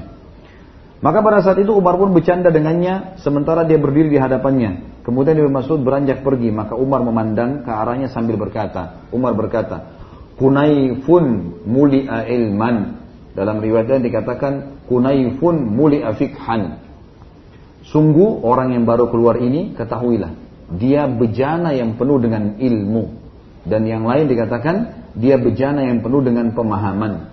Dan ini perkataan Umar. Dan perlu kita tahu teman-teman waktu kita bahas masalah Umar bin Khattab saya pernah jelaskan baginda Nabi SAW pernah mimpi dalam hadis Bukhari Muslim melihat Umar berpakaian yang panjang gitu kan?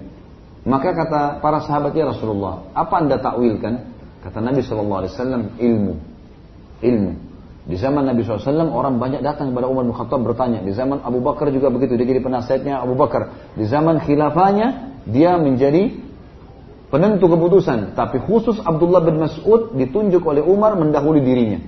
Bahkan dia memuji Abdullah bin Mas'ud dan ini sebuah kelebihan yang luar biasa yang dimiliki oleh Abdullah ibn Mas'ud radhiyallahu anhu majma'in. Kata penulis, silakan anda renungi peristiwa yang menakjubkan berikut ini. Dari Ash-Sha'bi rahimahullah, ini tepatnya Ash-Syu'bi ya. Ia berkata mereka menyebutkan bahwa Umar bin Khattab bertemu dengan sekelompok musafir dalam suatu perjalanan. Di antara mereka ada terdapat Abdullah bin Mas'ud. Lalu Umar memerintahkan seseorang untuk bertanya, sengaja mau menguji dalam kafilah itu yang mau pergi. Umar tahu siapa Abdullah bin Mas'ud. Coba uji keadaan ilmiahnya gitu. Maka dia bertanya, orang itu diutus oleh Umar bertanya, dari mana kalian? Lalu Abdullah yang menjawab, kami datang dari jalan yang lebar maka Umar bertanya, kalian hendak ke mana? Abdullah menjawab, ke Baitul Aqiq, Atiq, ke Ka'bah. Umar berkata lagi, di antara mereka terdapat seorang ulama, lalu uh, maaf, orang itu bertanya, kalian mau ke mana? Kata Abdullah, ke Baitul Atiq. Lalu orang ini kembali dan berkata pada Umar, jawabannya seperti ini Amir Mukminin. Lalu Umar bertanya, apakah di antara mereka ada ulama? Lalu Umar memerintahkan seseorang lagi suruh bertanya, Al-Quran apa yang paling agung? Coba tes lagi, tanyain. Maka Abdullah menjawab, karena Abdullah Mas'ud ada di situ. Dia mengatakan, Allahu la ilaha illa huwal hayyul qayyum. Ayat kursi surah Al-Baqarah 255. Allah yang tidak ada Tuhan yang berhak disembah kecuali dia. Dan dia selalu hidup dan mengurusi makhluknya. Lalu Umar berkata lagi, suruh bertanya lagi. Al-Quran apa yang paling kokoh sekali? Ayat apa yang paling kokoh? Kalau kita pelajari, kita akan bisa hidup tentram. Maka Abdul Mas'ud bertanya, menjawab mengatakan surah An-Nahl ayat 90, A'udzu billahi minasyaitonir rajim. Innallaha ya'muru bil adli wal ihsan. Sesungguhnya Allah menyuruh selalu berlaku adil dan berbuat kebajikan. Umar bertanya lagi. Orang ini ada di situ lalu disuruh lagi Umar. Umar tanya, Umar suruh tanya lagi, tanyakan lagi pada mereka, Al-Qur'an apa yang paling menyeluruh?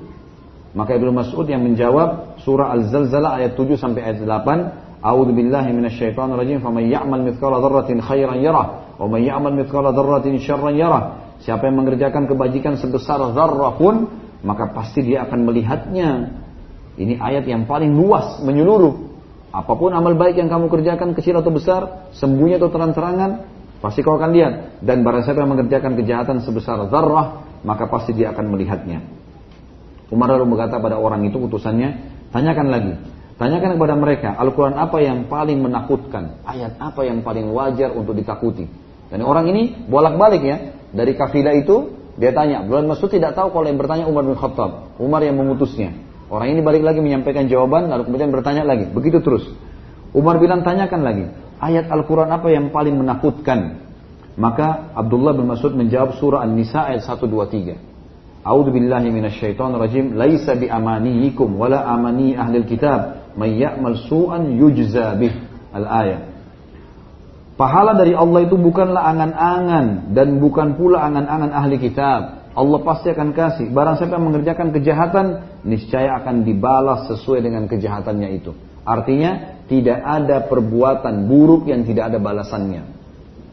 Umar berkata lagi, tanyakan kepada mereka, Al-Quran apa yang paling besar memberikan harapan? Setelah kita tahu buat dosa segala macam, apa kira-kira ayat yang paling membuat kita punya harapan lagi? Abdullah menjawab lagi dalam surah Az-Zumar ayat 53. A'udzu billahi minasyaitonir rajim. Qul ya ibadiyalladzina asrafu ala anfusihim la taqnatu min rahmatillah. Al-ayat.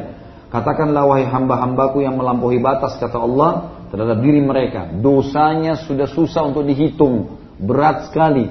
Mungkin semua dia sudah lakukan, sudah membunuh, sudah judi, sudah berzina, sudah berdusta segala macam. Janganlah kalian putus asa dari rahmat Allah Lanjutan ayat Inna Allah jami'a karena Allah mengampuni semua dosa-dosa. Maka Umar berkata, tanyakan kepada mereka, apakah ada di antara mereka Abdullah bin Mas'ud? Maka mereka pun kelompoknya Abdullah Mas'ud ini mengatakan iya. Yang menjawab tadi adalah Abdullah ibn Mas'ud. Maka kata Umar, pantas bisa terjawab. Dari Habab bin Juwain rahimahullah beliau berkata, ketika Ali datang ke Kufah, jadi di antara sahabat ini ada yang terkenal memang ulamanya, Umar bin Khattab, Abu Bakar, uh, Uthman, uh, Ali ini empat khulafaur rasyidin sudah jelas mereka adalah uh, orang-orang yang terkenal dengan ulamanya sahabat. Tapi ada yang lainnya, Abdullah bin Mas'ud, Abdullah bin Umar dan seterusnya. Nah empat orang ini, Abu Bakar, Umar, Uthman, Ali, di antara empat khulafa yang paling suka lebih mendalami ilmunya dan mengetes ilmunya apakah dia sudah faham atau mungkin ada di antara sahabat yang masih mau menyampaikan sesuatu Umar sama Ali dua orang ini. Tadi sudah kita sebutkan Umar bagaimana dia mengetes Abdullah bin Mas'ud dan berusaha untuk mengorek ilmu darinya gitu. apakah memang ada yang dia belum tahu dan Abdullah bin Mas'ud bisa tahu gitu kan. Mungkin kalau dia tanya langsung selalu Abdullah bin Mas'ud menolak kalau Umar mengatakan, Hai Ibnu Mas'ud, sampaikanlah kepada siapa yang kau ketahui. Ya Amir Mu'minin, Anda lebih tahu dari saya. Tapi kalau dia gunakan orang lain, selalu ada jawaban, gitu kan. Hmm. Maka Ali bin Abi Thalib juga melakukan hal yang sama. Dan Ali sama Umar terkenal. Mungkin karena itulah ya, kenapa Nabi SAW pernah berkata, Hai Umar, Hai Ali, kalau kau bertemu, kalau kalian berdua bertemu dengan Uwais Al-Qarni, mintalah agar beristighfar kepada Allah. Karena dua orang ini selalu penasaran. Dan majlis mereka setelah jadi khalifah, selalu mencari cerita-cerita unik. Mana cerita unik nih? Cerita-cerita dari orang, mana yang unik, yang kira-kira sesuai relevansinya dengan aplikasi ayat dan hadis.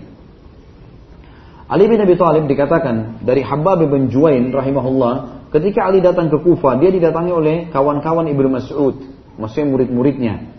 Ali bertanya tentangnya kepada mereka sehingga mereka merasa bahwa Ali sedang menguji mereka. Jadi Ali selalu tanya murid-muridnya, Bagaimana menurut kalian ini? Bagaimana ayat ini? Bagaimana hadis ini? Dan murid-muridnya semua menjawab. Sampai murid Abdullah bin Mas'ud mengira Ali sedang menguji mereka. Ali berkata, Aku berkata tentangnya seperti apa yang mereka katakan dan lebih baik lagi. Dia membaca Al-Quran, menghalalkan halalnya dan mengharamkan haramnya. Seorang yang fakih dalam agama dan seorang yang mengetahui tentang sunnah. Lalu Ali bin Abi Thalib mengatakan, Aku sebenarnya bertanya tentang ini semua karena aku tahu bahwasanya dia Ibnu Mas'ud lebih baik daripada aku. Dia membaca Al-Quran, menghalalkan halalnya, mengharamkan haramnya, seorang yang fakih dalam agama dan seseorang yang paling mengetahui tentang sunnah. Jadi pengakuan Ali bin Abi Thalib yang terkenal dengan ulamanya sahabat memuji Abdullah ibn Mas'ud. Abu Ahwas juga meriwayatkan rahimahullah kami datang kepada Abu Musa, lalu aku mendapati Abdullah bin Mas'ud dan Abu Mas'ud berada di dekatnya. Abu Musa al-Ashari sempat jadi gubernur, tadi kita sudah sebutkan di Kufa. Abdullah bin Mas'ud sebagai penasehat. Ketika itu mereka sedang melihat mushaf, lalu kami berbincang sesaat. Kemudian Abdullah beranjak, maka Abu Mas'ud berkata, Demi Allah, aku tidak mengetahui Rasulullah SAW meninggalkan seseorang yang lebih mengetahui kitab Allah daripada orang yang baru beranjak ini. Maksudnya adalah Abdullah ibn Mas'ud. Dan ini kesaksian sahabat Nabi yang namanya Abu Mas'ud radhiyallahu anhu ajma'in. Dari Tamim ibn Hazlam rahimahullah dia berkata, aku bergaul dengan sahabat-sahabat Nabi Shallallahu Alaihi Wasallam, Abu Bakar dan Umar. Aku tidak melihat seseorang yang lebih zuhud terhadap dunia dan lebih berharap akhirat, di mana aku sangat ingin menjadi sepertinya daripada dirimu, wahai ibnu Mas'ud. Tamim bin Hazlam adalah tabiin yang masyhur, ulama besar. Dia selalu dia, dia bilang, saya sempat hidup sama Abu Bakar sama Umar. Saya akui memang keilmuan mereka. Tapi kalau saya disuruh pilih, kata dia, maka saya berharap Ya, saya tidak pernah berharap menjadi manusia dari sahabat Nabi kecuali seperti kamu. Ditunjuklah Abdullah bin Mas'ud. Padahal ini ulama besarnya tabi'in yang bertemu dengan Abu Bakar sama Umar. Masruk rahimahullah juga berkata, aku mengambil ilmu secara langsung dari sahabat-sahabat Muhammad sallallahu alaihi wasallam. Aku mendapati ilmu mereka berakhir yang paling selalu menjawab pertanyaan, yang paling faham tentang Al-Quran dan Sunnah, berakhir pada enam orang. Umar, Ali, Abdullah bin Mas'ud, Ubay bin Ka'ab, Abu Darda dan Zaid bin Harith, eh, Zaid bin Thabit. Kemudian aku mengambil secara langsung dari enam orang itu, maka aku melihat ilmu mereka berenam berakhir pada dua orang, Ali dan Abdullah bin Mas'ud. Jadi kalau sudah mentok pun dengan enam orang itu, masih ada yang ingin saya tanyakan belum paham kata Masruk. Masruk seorang ulama tabi'in. Maka saya kembali kepada dua orang dan pasti dua orang ini memiliki jawabannya. Masruk juga rahimahullah berkata, aku bergaul dengan sahabat-sahabat Muhammad sallallahu alaihi wasallam.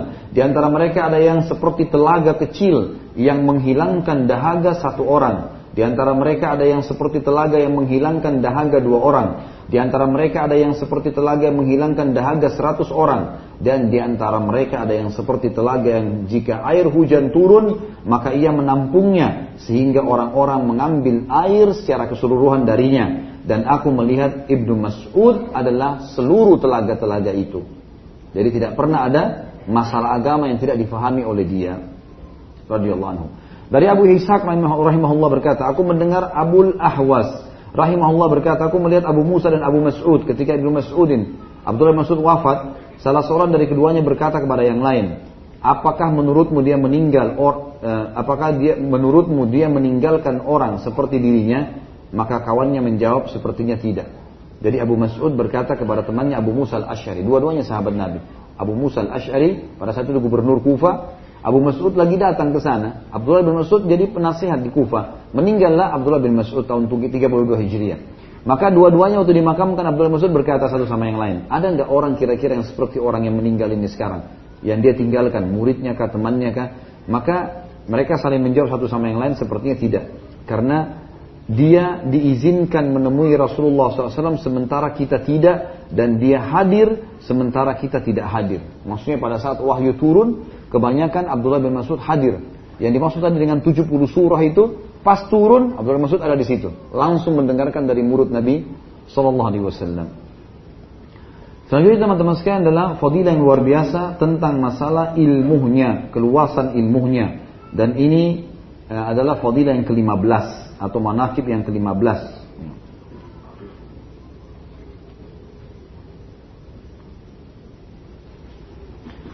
Kalimat-kalimat yang memenuhi hati dengan cahaya kata penulis atau kalimat-kalimat mutiara dari Ibnu Mas'ud menandakan keluasan ilmunya. Disebutkan teman-teman sekalian dari Ma'an rahimahullah seorang ulama tabi'in berkata Abdullah bin Mas'ud radhiyallahu anhu berkata sesungguhnya hati mempunyai semangat dan kesungguhan dan sesungguhnya hati mempunyai kemalasan dan penolakan. Dua-dua ada di dalam hati manusia. Maka manfaatkanlah pada saat ia lagi semangat dan bersungguh-sungguh dan biarkan dia jangan diikutin kalau dia lagi malas dan menolak. Ini kalimat hikmah, artinya pada saat lagi semangat menuntut ilmu, mau semangat sholat malam, maksimalkan di situ. Itu nanti akan merenggangkan waktu di mana dia malas. Jadi lama baru dia malas gitu. Asal kita istiqomah. Kalaupun dia malas, jangan ikutin bisikannya. Sebuah kalimat hikmah. Dari Aun bin Abdullah juga rahimahullah, salah satu ulama tabi'in juga berkata, Abdullah bin Mas'ud radhiyallahu anhu berkata, "Laisal ilmu bikasratir riwayah, walakinnal ilmal khasyah." Bukanlah ilmu itu dengan banyaknya riwayat, banyak menukil riwayat-riwayat, tetapi ilmu yang sebenarnya adalah munculnya rasa takut kepada Allah. Al-Mundir rahimahullah berkata, Beberapa orang berbadan kekar datang kepada Abdullah bin Mas'ud sehingga orang-orang mengagumi ke kekuatan leher dan kesehatan fisik mereka. Maka Abdullah berkata, sesungguhnya kalian melihat orang kafir termasuk orang yang paling sehat jasmaninya dan paling sakit hatinya. Sedangkan kalian melihat seorang mukmin termasuk orang yang paling sehat hatinya dan mungkin sakit jasmaninya. Demi Allah, seandainya hati kalian sakit dan jasmani kalian sehat, niscaya kalian lebih rendah di mata Allah daripada kumbang. Kumbang kan ringan sekali. Maksudnya adalah ada orang kekar-kekar badannya datang, semuanya berotot luar biasa sampai orang kagum melihat fisiknya yang bagus dan kekar dengan leher-lehernya yang kuat. Biasa orang binaragawan atau orang yang kekar seperti itu. Maka Abdullah bin Mas'ud menunggangi keadaan waktu orang-orang lagi pada kagum. Ini luar biasa nih, kuat badannya, fisiknya, Allah kasih kelebihan dan seterusnya. Abdullah bin Mas'ud mengatakan menunggangi keadaan. Lalu mereka beliau menasihati mengatakan, kalian akan temukan orang yang paling begini badannya kebanyakan seperti ini. Bukan beliau larang ya, tapi beliau ingin titip pesan di situ. Kebanyakan orang yang begini itu adalah orang-orang kafir. Orang mukmin jarang kalian temukan seperti itu. Ada tapi jarang. Kebanyakan orang-orang kafir. Kalian akan temukan fisiknya, jasmaninya paling sehat, tapi ruhnya mereka sangat kurus. Ya. Dan kalian temukan orang mukmin terbalik. Mungkin fisiknya biasa-biasa saja, tapi kalian temukan ruhnya sangat sehat. Ya. Sehingga kapan dibutuhkan jihad, dibutuhkan pengorbanan mereka bisa lakukan. Dan ketahuilah, kalau fisik kalian sehat, tapi ruh kalian kurus, gitu kan, maka kalian di mata Allah lebih rendah dan lebih ringan daripada kumbang. Nasihat dari Abdullah bin Mas'ud artinya supaya orang merendah dan berpikir tentang masalah mendahulukan gemuknya ruh daripada gemuknya fisik. Seperti teman-teman sekarang hadir di majelis ilmu, apa gunanya teman-teman? Ini sekarang apa yang sedang dilakukan? Duduk di majelis ilmu seperti ini, itu sama dengan ini untuk ruh ya, ini untuk ruh kita. Ini sama dengan kalau kita lagi makan, kalau lapar untuk mengenyangkan jasmani, jasad, gitu ya. Nah ini sekarang kita sedang memberikan makan ruh kita. Jadi teman-teman kalau orang gemuk ruhnya, sehat, kekar ruhnya dan itu tidak ada tidak ada yang bisa menggemukkan dan menyehatkan kecuali ilmu. Kalau sudah berilmu, bobotnya kuat, maka ruhnya akan kuat, gitu kan? Maka semua yang dihadapi oleh jasmani bisa dihadapi. Sakit, fisik, kalau ruhnya kuat bisa dihadapi. Cobaan bisa dihadapi. Apa saja bisa dihadapi sama dia. Tapi kalau jasmaninya kuat tapi ruhnya kempes, sakit, banyak sekali hal yang dia tidak bisa hadapin. Tidak bisa dihadapin cobaan, walaupun dia kuat, tapi mudah menangis, mudah putus asa. Ya. Dan ini sebuah nasihat yang luar biasa agar seseorang selalu memfokus fokus untuk menggemukkan ruhnya, nanti diikuti dengan jasadnya. Abdullah juga radhiyallahu anhu mengatakan, di setiap kebahagiaan ada kesedihan. Ketahuilah itu pasti partner. Jangan pernah mengkhayal teman-teman selalu bahagia, senang terus, ketawa terus enggak. Kita hari ini ketawa, besok ada sedih. Sebagaimana ada muda, ada tua. Gitu. Ada malam, ada siang. Ada hidup, ada mati. Ada dunia, ada akhirat. Kata Ibn Mas'ud, ketahuilah. Di setiap kebahagiaan, kalau sekarang kita bahagia, nanti ada kesedihan. Sebuah rumah tidak berisi kebahagiaan kecuali diisi pula dengan kesedihan. Itu pasti terjadi. Kalimat mutiara. Jadi jangan sampai terus kita mengkhayal akan selalu ketawa, senang. Enggak. Sehingga akhirnya pada saat senang kita bersyukur, kalau ada cobaan kita tidak bersabar atau tidak kita tidak bersyukur juga, gitu kan. Ini peringatan. Dari Ad-Dahak ibn Muzaim rahimahullah berkata, Abdullah juga radhiyallahu anhu berkata, tidak seorang pun dari kalian kecuali dia adalah tamu dan hartanya adalah pinjaman. Kalian di dunia ini tamu semuanya. Buka mata bangun waktu baru lahir, udah ada semua nih. Sudah ada udaranya, ada cahayanya, ada pohon-pohonnya, ada ada semua kehidupan. Tinggal hidup jalan gitu kan. Kemudian menikmati apa yang ada. Ini semua kata beliau Mas'ud, tidak seorang pun dari kalian kecuali dia adalah tamu sebenarnya di sini. Dan apa yang dia miliki hartanya pinjaman dari sang pencipta Allah. Tamu pasti pergi dan pinjaman harus dikembalikan kepada pemiliknya. Apa pun itu, mobil, harta, semua ini kita akan tinggalkan, meninggal akan dikembalikan. Allah wariskan kepada siapa yang Allah ingin wariskan, gitu kan?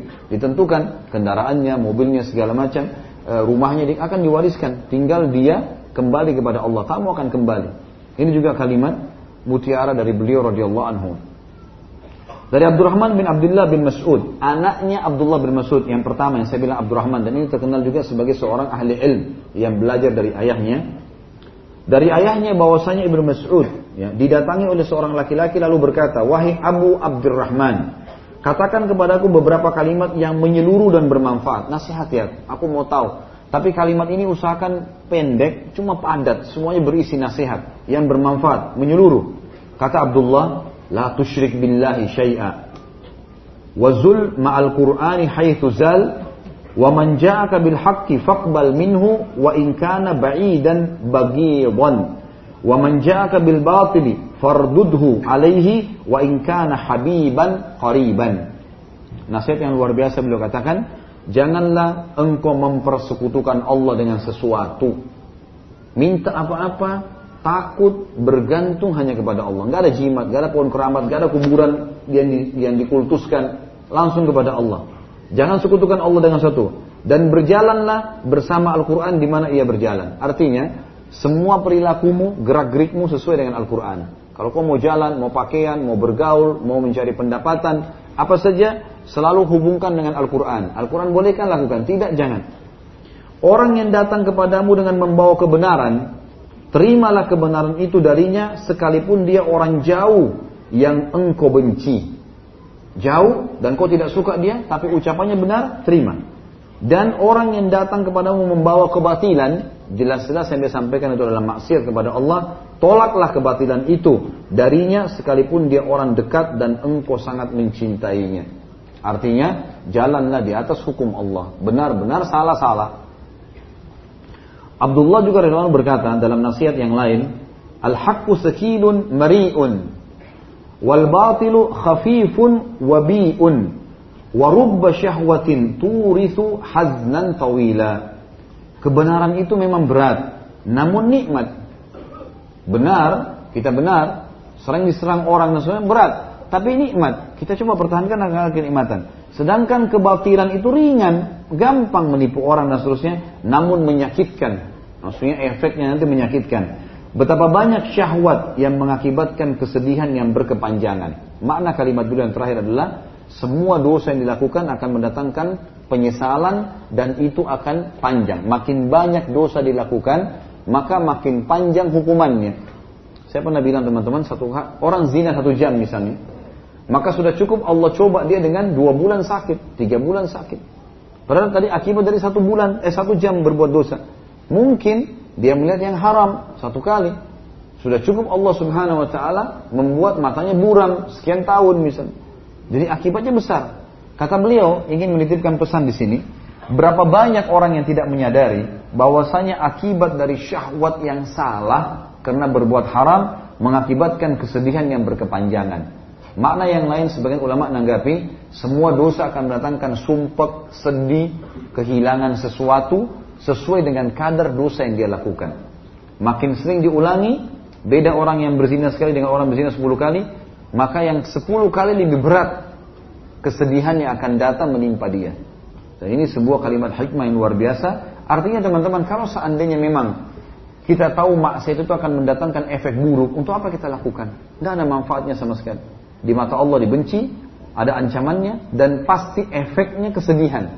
Ini sudah sunnatullah. Dan Abdullah bin Mas'ud adalah orang yang disuruh oleh Nabi SAW kita ambil wasiat dari ini. Ini wasiatnya. Ini wasiatnya. Jangan berbuat dosa karena efek jerahnya lebih besar daripada perbuatannya. Dan tidak ada gunanya. Dan itu kesedihan, paling sedikit kesedihan yang berkepanjangan.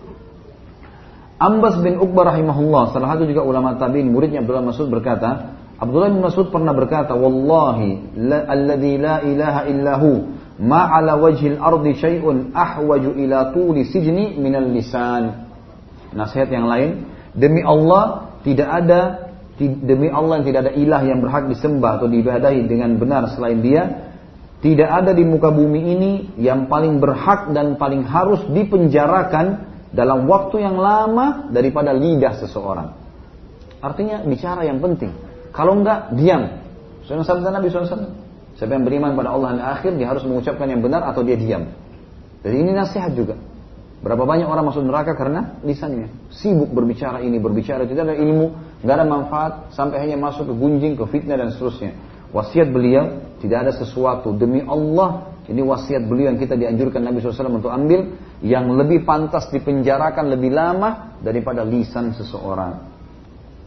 Abdurrahman bin Abdullah bin Mas'ud anaknya kembali mengatakan rahimahullah dan ayahnya radhiyallahu anhu ia berkata ayahku pernah berkata idza dhahara zina war riba fi qaryatin udhina bihalakiha ketahuilah jika zina dan riba telah mewabah di suatu kampung atau tempat maka tidak lain kecuali tanda kebinasaannya ini Allah musta'an kita sekarang luar biasa ya.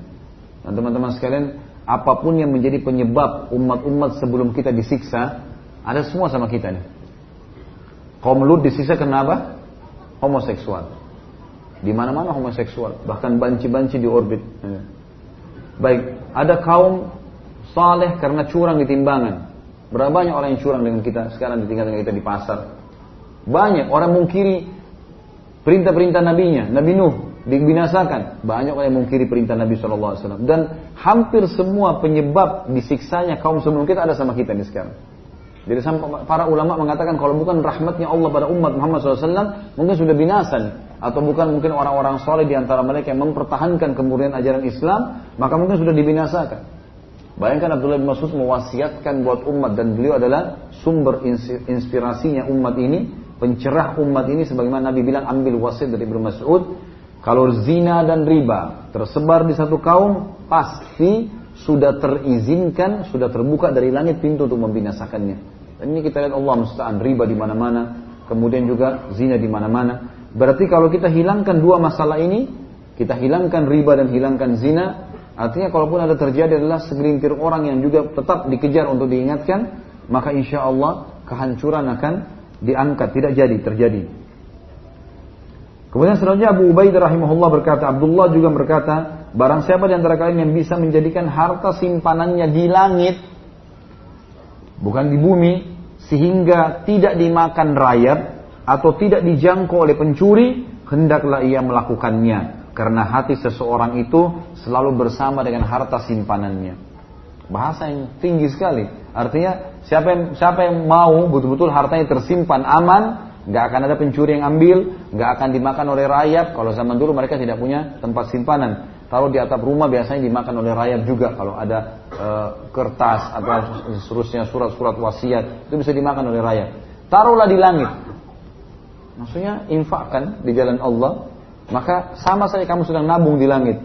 Tidak akan dijangkau oleh pencuri, tidak akan pernah juga dimakan oleh rayap.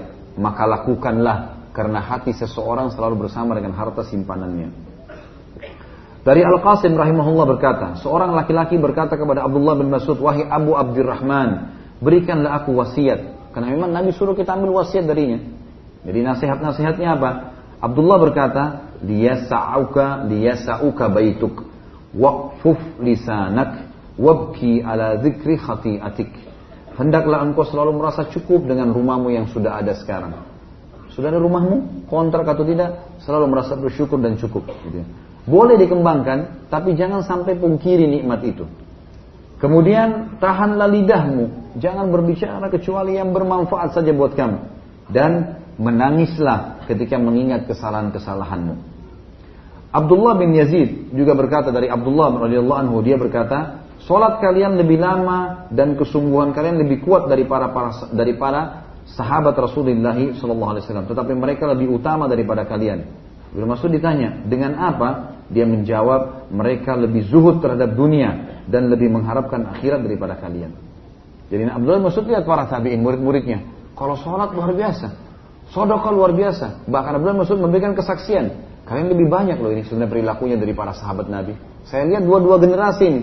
Tapi mereka melebihi kalian. Apa kelebihannya? Karena mereka lebih zuhud dengan dunia. Artinya mereka tidak mengejar dunia itu menjadi target. Dan juga mereka lebih mengharapkan akhirat. Artinya nasihatnya buat orang yang datang setelah para sahabat, hati-hati dengan masalah dunia ini, jangan sampai bunuh membunuh, rebut merebut karena jabatan, karena harta, warisan dan seterusnya, tapi dahulukanlah akhirat, zuhudlah. Ya, karena itu semua tidak ada yang dibawa ke akhirat. Riwayat yang lain menyebutkan dari Zadan dari Abdullah bin Mas'ud radhiyallahu anhu. Ia berkata seorang hamba dihadirkan di hari kiamat kata Abdullah bin Mas'ud nasihatnya. Maka dikatakan kepadanya tunaikanlah amanah yang pernah dipikulkan kepadamu. Lalu dia menjawab, dari mana wahai Robku? Dari mana amanah itu saya bisa jalankan? Amanah itu sudah saya tinggalkan di dunia. Sementara dunia telah pergi. Lalu dunia itu diwujudkan dalam bentuknya pada saat dia mengambilnya di dasar neraka jahanam. Jadi Allah datangkan dunia ini karena neraka jahanam jauh lebih besar, berlipat-lipat. Bumi ini dibandingkan dengan neraka seperti pasir, gitu kan. Dibandingkan surga seperti pasir, dunia ini semuanya. Gitu. Jadi sangat besar. Allah mengatakan tentang surga dalam Al-Imran 133, A'udzu billahi minasyaitonir wasari ila magfiratin rabbikum wa jannatin arduha as-samawati wal ardu lil muttaqin. Bergegaslah kalian kepada pengampunan Tuhan kalian dan kejarlah surga yang luasnya seluas langit dan bumi. Jadi kata ulama, langit ini saja sudah seperti luar biasa dibandingkan bumi. Bumi seperti debu yang kecilnya diperkecil sekian juta kali lagi. Maka surga neraka jauh lebih besar daripada itu.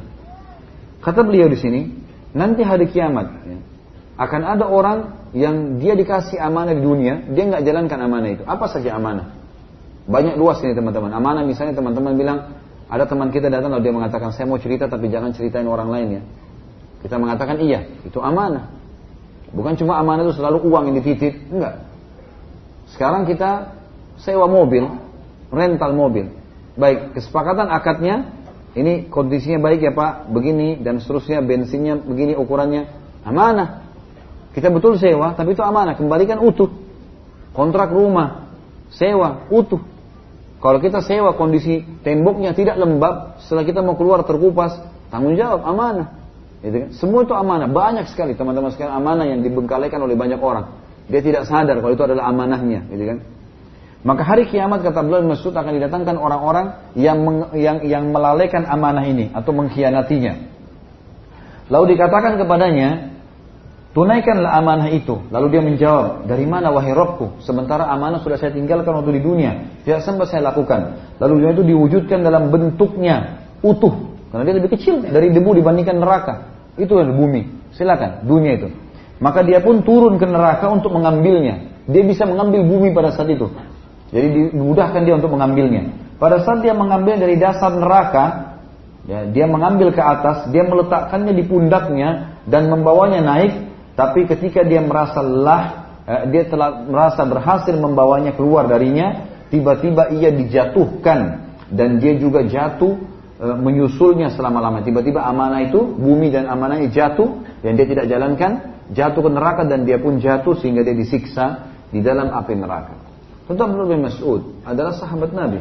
Beliau orang yang sangat uh, saleh, sangat menjaga uh, apa apa namanya yang disampaikan oleh Nabi SAW sampai tadi kita sudah sebutkan hati-hati sekali dalam mengucapkan sabda Nabi SAW. Maka ini kata ulama bukan mustahil perkataan Nabi SAW.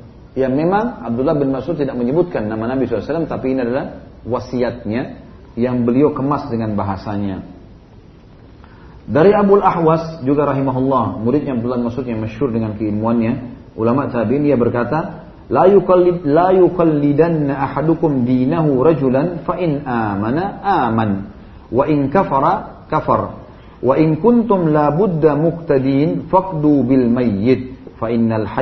la tu'manu alaihi fitnah wasiatnya janganlah sekali-kali salah salah seorang di antara kalian bertaklid mencontohi dan menciplak kepada orang lain dalam masalah agama kecuali memang yang diajarkan saja, bukan orangnya, tapi apa yang diajarkan. Jika orang itu beriman, maka dia ikut beriman. Jika orang itu kafir, dia ikut kafir, karena dia taklid buta, gitu ya.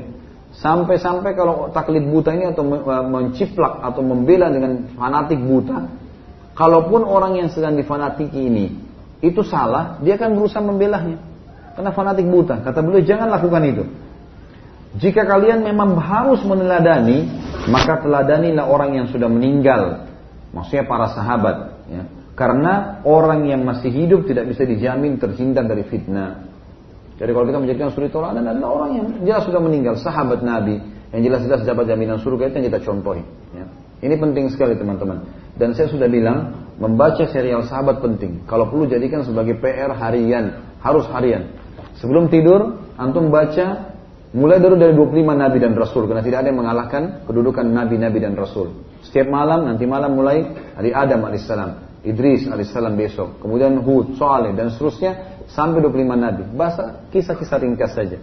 Kemudian baru masuk ke sahabat. Wajibkan setiap malam karena mereka adalah orang-orang yang paling pantas dicontohi, bukan orang yang lain, gitu kan? Saya kalau istri saya lagi ngomong cerita tentang apalah ada orang sukses dan seterusnya. Saya mengatakan bukan itu contoh. Contoh adalah Ummul Mukminin. Kamu contohin Aisyah, contohin Hafsah, baca kisah mereka itu contoh. Karena sahabat, saya juga mencontohi Rasulullah. Kita contoh semua Rasulullah, tapi laki-laki mencontohi laki-laki. Rasulullah SAW, Abu Bakar, Umar, saya contohi mereka. Itu yang keber, itu keberhasilan. Kalau kita baca kisah tentang seseorang, uh, maaf, tokoh tertentu yang memang dianggap ada kesusahan dunianya, mungkin finansial, mungkin kedudukan dan seterusnya, ini belum ada jaminan dari fitnah. Dia masih bisa menjerumuskan kita karena kalau kita fanatik buta pada mereka, maka secara otomatis kita bisa membenarkan perilaku yang salah. Wasiat selanjutnya adalah Abdurrahman ibn Yazid rahimahullah berkata, Abdullah radhiyallahu anhu berkata, engkau jangan menjadi seperti bunglon, bunglon. Mereka bertanya apa maksudnya? Dia menjawab atau dia berkata, aku bersama orang-orang Maksudnya Abdullah Mas'ud berkata, yang dimaksud dengan bunglon ini adalah orang yang berkata, aku bersama orang-orang. Jika mereka mendapatkan petunjuk, aku mendapatkan petunjuk. Jika mereka sesat, aku juga sesat. Hendaklah salah seorang dari kalian melatih dirinya sehingga dia atau sehingga jika orang-orang menjadi kafir, dia tidak ikut-ikutan menjadi kafir. Artinya ada orang kita dengar ceramahnya, mungkin seorang dai, seorang ustadz, tapi dia manusia bisa salah. Jangan sampai karena dia salah kemudian fanatik buta kita lalu tidak urusan kesalahannya atau tidak ya eh, kita kita lalu kemudian membenarkan perilakunya. Seperti itu kurang lebih maknanya. Sulaiman bin Mahran rahimahullah salah satu ulama tabi'in yang masyhur berkata, ketika pada suatu hari Abdullah bin Mas'ud bersama rekan-rekannya, lewatlah seorang Arab Badui lalu ia bertanya, di atas apa mereka berkumpul? Orang Badui ini tidak tahu kalau ada Abdullah bin Mas'ud dia mengatakan, di atas apa kalian berkumpul? Maka Abdul Mas'ud menjawab di atas warisan Muhammad SAW yaitu ilmu. Maka mereka mereka sedang membagi-bagikannya di antara mereka. Maksudnya orang Arab Badui mengatakan untuk apa kalian kumpul nih? Lagi bahas apa? Kata beliau warisannya Rasulullah SAW. Maksudnya ilmu. Dan kami sedang membagi-bagi ilmu itu satu sama yang lain. Dan ini warisan yang paling bagus. Huzail bin Shurahbil Berkata rahimahullah salah satu ulama tadi juga dari Abdullah bin Mas'ud radhiyallahu anhu ia berkata, barang siapa yang menginginkan akhirat dia mengorbankan dunianya dan barang siapa yang menginginkan dunia dia mengorbankan akhiratnya. Wahai manusia, korbankanlah yang fana demi yang baqa atau yang kekal. Maksudnya dunia boleh dikejar. Allah mengatakan dalam Al-Qasas 77, A'udzu billahi minasyaitonir rajim wa bataghi fi ma ataqallahu daral akhirah wa la tansa nasibaka minad dunya. Kejarlah apa yang Allah janjikan di akhirat nanti dan jangan lupakan bagaimana dari dunia. Tetapi bukan dunia yang didahulukan, akhiratnya. Kalaupun kita mau makan, kita mau minum, apa pun aktivitas dunia ini, tapi kalau di akhirat ini dilarang dan akan dihisap berat, jangan dilakukan. Dahulukan akhirat. Seperti pepatah mengatakan, dahulukan akhirat maka dunia akan ikut dan siapa yang mendahulukan dunia, akhiratnya akan luput, kan hilang. Kata beliau, wahai manusia, korbankan yang fana kalau bertemu antara akhirat sama dunia, tinggalkan yang fana ini dan demi mengejar yang kekal. Dari Abdurrahman ibn Hujairah rahimahullah salah satu ulama tabi'in juga bahwa Ibnu Mas'udin radhiyallahu anhu berkata ketika duduk, sesungguhnya kalian berada dalam umur yang berkurang dan perbuatan yang dijaga dengan bergantinya malam dan siang. Jadi beliau menasihati murid-muridnya Sesungguhnya kalian sekarang dalam dalam keadaan umur yang sedang berkurang. Ini lagi duduk ini, waktu berjalan umur kalian sedang berkurang. Dan perbuatan yang dijaga dengan bergantinya malam dan siang. Harus rutin dijaga amal-amal karena malam dan siang selalu ada perintah untuk mengerjakan ibadah. Dan kematian bisa datang tiba-tiba. Barang siapa yang menanam kebaikan, niscaya memetik kebahagiaan. Barang siapa yang menanam keburukan, niscaya memetik penyesalan. Setiap penanam akan mendapatkan sesuai dengan apa yang dia tanam. Orang lamban tidak akan direbut bagiannya. Orang yang tamak tidak mendapatkan apa yang tidak ditakdirkan kepadanya. Barang siapa yang diberi kebaikan, maka Allah adalah pemberinya. Barang siapa yang dilindungi dari keburukan, maka Allah yang melindunginya. Orang-orang yang bertakwa adalah para pemimpin. Para fukaha adalah pembimbing dan bergaul dengan mereka adalah tambahan kebajikan. Kesimpulan yang beliau sampaikan adalah beliau mengatakan di sini kalimatnya bobotnya banyak sekali ya. Sesungguhnya kalian berada dalam umur yang berkurang, hati-hati, umur kalian pendek loh. Ini bertambah berarti berarti makin dekat dengan kematian. Perbuatan selalu dijaga, jangan lupa, jangan lalai, malam dan siang mengikutinya. Kematian bisa menjemput kalian sakit atau sehat. Barang siapa yang menanam kebaikan, hari ini dia buat kebaikan, dia akan petik kebahagiaan nanti di surga. Barang siapa yang menanam keburukan, niscaya memetik penyesalan, maksudnya di neraka akan ada siksaan. Setiap penanam akan mendapatkan apa yang dia tanam. Orang lamban tidak akan direbut bagiannya. Ketahuilah urusan dunia ini, kalau orang lamban bergerak, lalu ada orang lain yang dapat bagian itu bukan berarti karena bagiannya diambil, enggak. Tidak ada hubungannya. Semua yang sudah diputuskan Allah akan sampai kepada dia. Orang yang tamak tidak mendapatkan apa yang tidak ditakdirkan kepadanya. Orang yang rakus tetap yang sampai ke dia apa yang sudah ditentukan, tidak akan lebih daripada itu. Ini mirip dengan perkataan Hasan Basri rahimahullah yang mengatakan, sesungguhnya aku selalu tenang karena aku tahu rezekiku tidak akan diambil oleh orang lain dan juga aku tenang karena aku tahu umurku ajalku tidak akan diterlambatkan atau dimajukan. Ini sudah pasti semua terjadi. Barang siapa diberikan kebaikan, maka Allah adalah pemberinya. Kalau ada di antara kita teman-teman dapat istri, dapat suami yang baik misalnya, atau Allah takdirkan dapat pekerjaan, dapat apa saja kesehatan, maka itu karena Allah yang memberikan. Jangan merasa itu prestasi kita.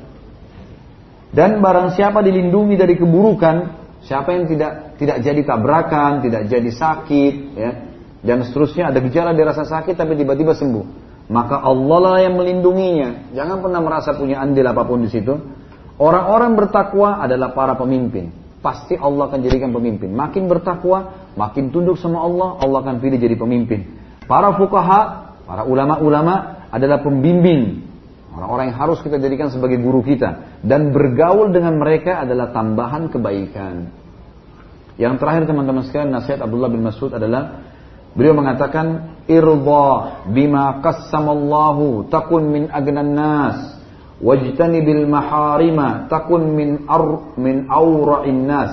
Wa addi mafturida alaika takun min a'badin nas. Ridola selalu merasa cukup dengan apa yang telah Allah bagikan kepadamu. Kalau ini Allah kasih tangannya begini kulitnya begini rambutnya begini alhamdulillah mau keriting, mau lurus, mau putih kulitnya, rambutnya tadi, mau putih kulitnya, mau coklat, mau hitam, mau poster tubuhnya tinggi, pendek, ridho lah, kata Ibn Mas'ud, dengan apa yang Allah bagikan kepadamu, niscaya engkau akan menjadi orang yang paling kaya. Kau pasti orang paling bahagia. Jauhilah perkara-perkara haram, niscaya engkau akan menjadi orang yang paling bersih hatinya. Karena hal-hal yang haram merusak hati. Dan laksanakan apa yang diwajibkan atasmu niscaya engkau akan menjadi orang yang paling ahli ibadah. Maksudnya orang yang paling dekat untuk beribadah kepada Allah subhanahu wa ta'ala. Inilah teman-teman sekalian banyak sekali kita sebutkan wasiat sebenarnya dan tidak tidak banyak disebutkan kiprahnya di peperangan kecuali tadi di perang Badr yang membunuh Abdullah bin uh, yang membunuh Abu Jahal tapi memang lebih banyak kepada ilmu nasihat-nasihat dan wasiatnya. Dan itu yang ditulis di buku kita dan banyak juga kalau kita baca uh, di mana pun tulisan Abdullah Mas'ud akan sama. Isinya adalah wasiat-wasiat tentang masalah ilmu. Dan kita akan masuk teman-teman sekalian kepada ad-durus wal ibar, pelajaran-pelajaran yang bisa kita ambil, nanti akan kita sebutkan. Tetapi teman-teman sekalian, kita akan sebutkan dulu masalah berpisahnya atau meninggalnya Abdullah bin Mas'ud. Kata penulis setelah kehidupan panjang yang penuh dengan ilmu, rasa takut kepada Allah, jihad, pengorbanan, perjuangan, kasih sayang dan tawadhu, Ibnu Mas'ud radhiyallahu berbaring di atas ranjang kematian, tiba saatnya untuk menyusul Al-Habib alaihi wassalatu wassalam, Nabi Muhammad SAW yang sangat dia cintai selama ini dan selama ini pula dia belajar darinya. Ketika Ibnu Mas'ud radhiyallahu anhu di atas ranjang kematian, Utsman bin Affan datang menjenguknya. Dari Abu Zabah Zabiyah rahimahullah berkata, Abdullah bin Mas'ud sakit lalu Utsman menjenguknya. Karena Utsman bin eh, Abdullah bin Mas'ud mati di zaman khilafahnya Utsman bin Affan dan sempat dia menjadi e, penasihat melanjutkan wasiatnya Umar bin Khattab di Kufa. Lalu Utsman bertanya padanya, apa yang paling engkau keluhkan wahai Abdullah? Abdullah bin Mas'ud menjawab, dosa-dosaku. Utsman bertanya, apa yang engkau inginkan? Abdullah bin Mas'ud menjawab, rahmat Robku. Utsman berkata, bagaimana jika aku memanggil seorang tabib untukmu? Abdullah Mas'ud menjawab, tabib hanya akan membuatku sakit.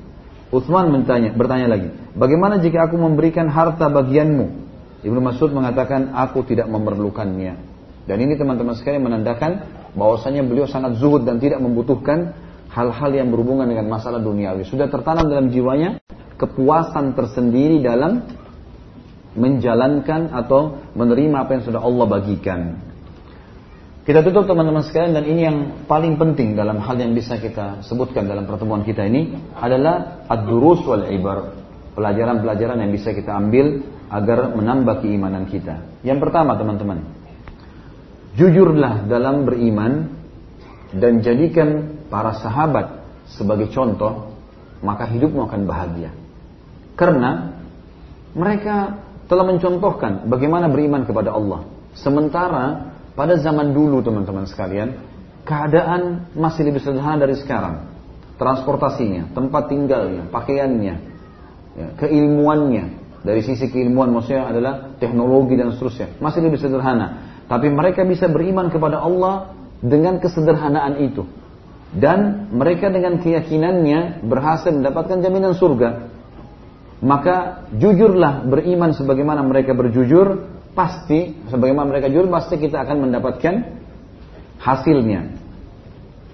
Kemudian teman-teman sekalian yang kedua, bolehnya seseorang untuk memiliki banyak sekali pegawai, orang yang berkhidmat dengannya, diambil daripada kasus bagaimana Nabi SAW menjadikan Abdullah bin Mas'ud sebagai pelayan khususnya dalam masalah siwak, uduk tadi dan sandalnya. Berarti dibolehkan, tapi tidak boleh berlebihan. Jadi kalau kita temukan ada orang masya Allah punya kelebihan harta, lalu kemudian kita lihat dia luar biasa gitu. Luar biasanya itu banyak orang di rumahnya, banyak pegawainya. Itu bukan aib, dia mampu. Bahkan sebagian ulama mengatakan siapa yang punya kemampuan harta, lalu dia pekerjakan orang dan dia mampu memberikan kepada mereka upah, maka itu ada nilai pahala sendiri. Karena dia menghidupi sekian banyak keluarga. Dan Nabi SAW melakukan itu. Ini sekaligus teman-teman menjelaskan tentang juga poin penting dalam masalah zuhud.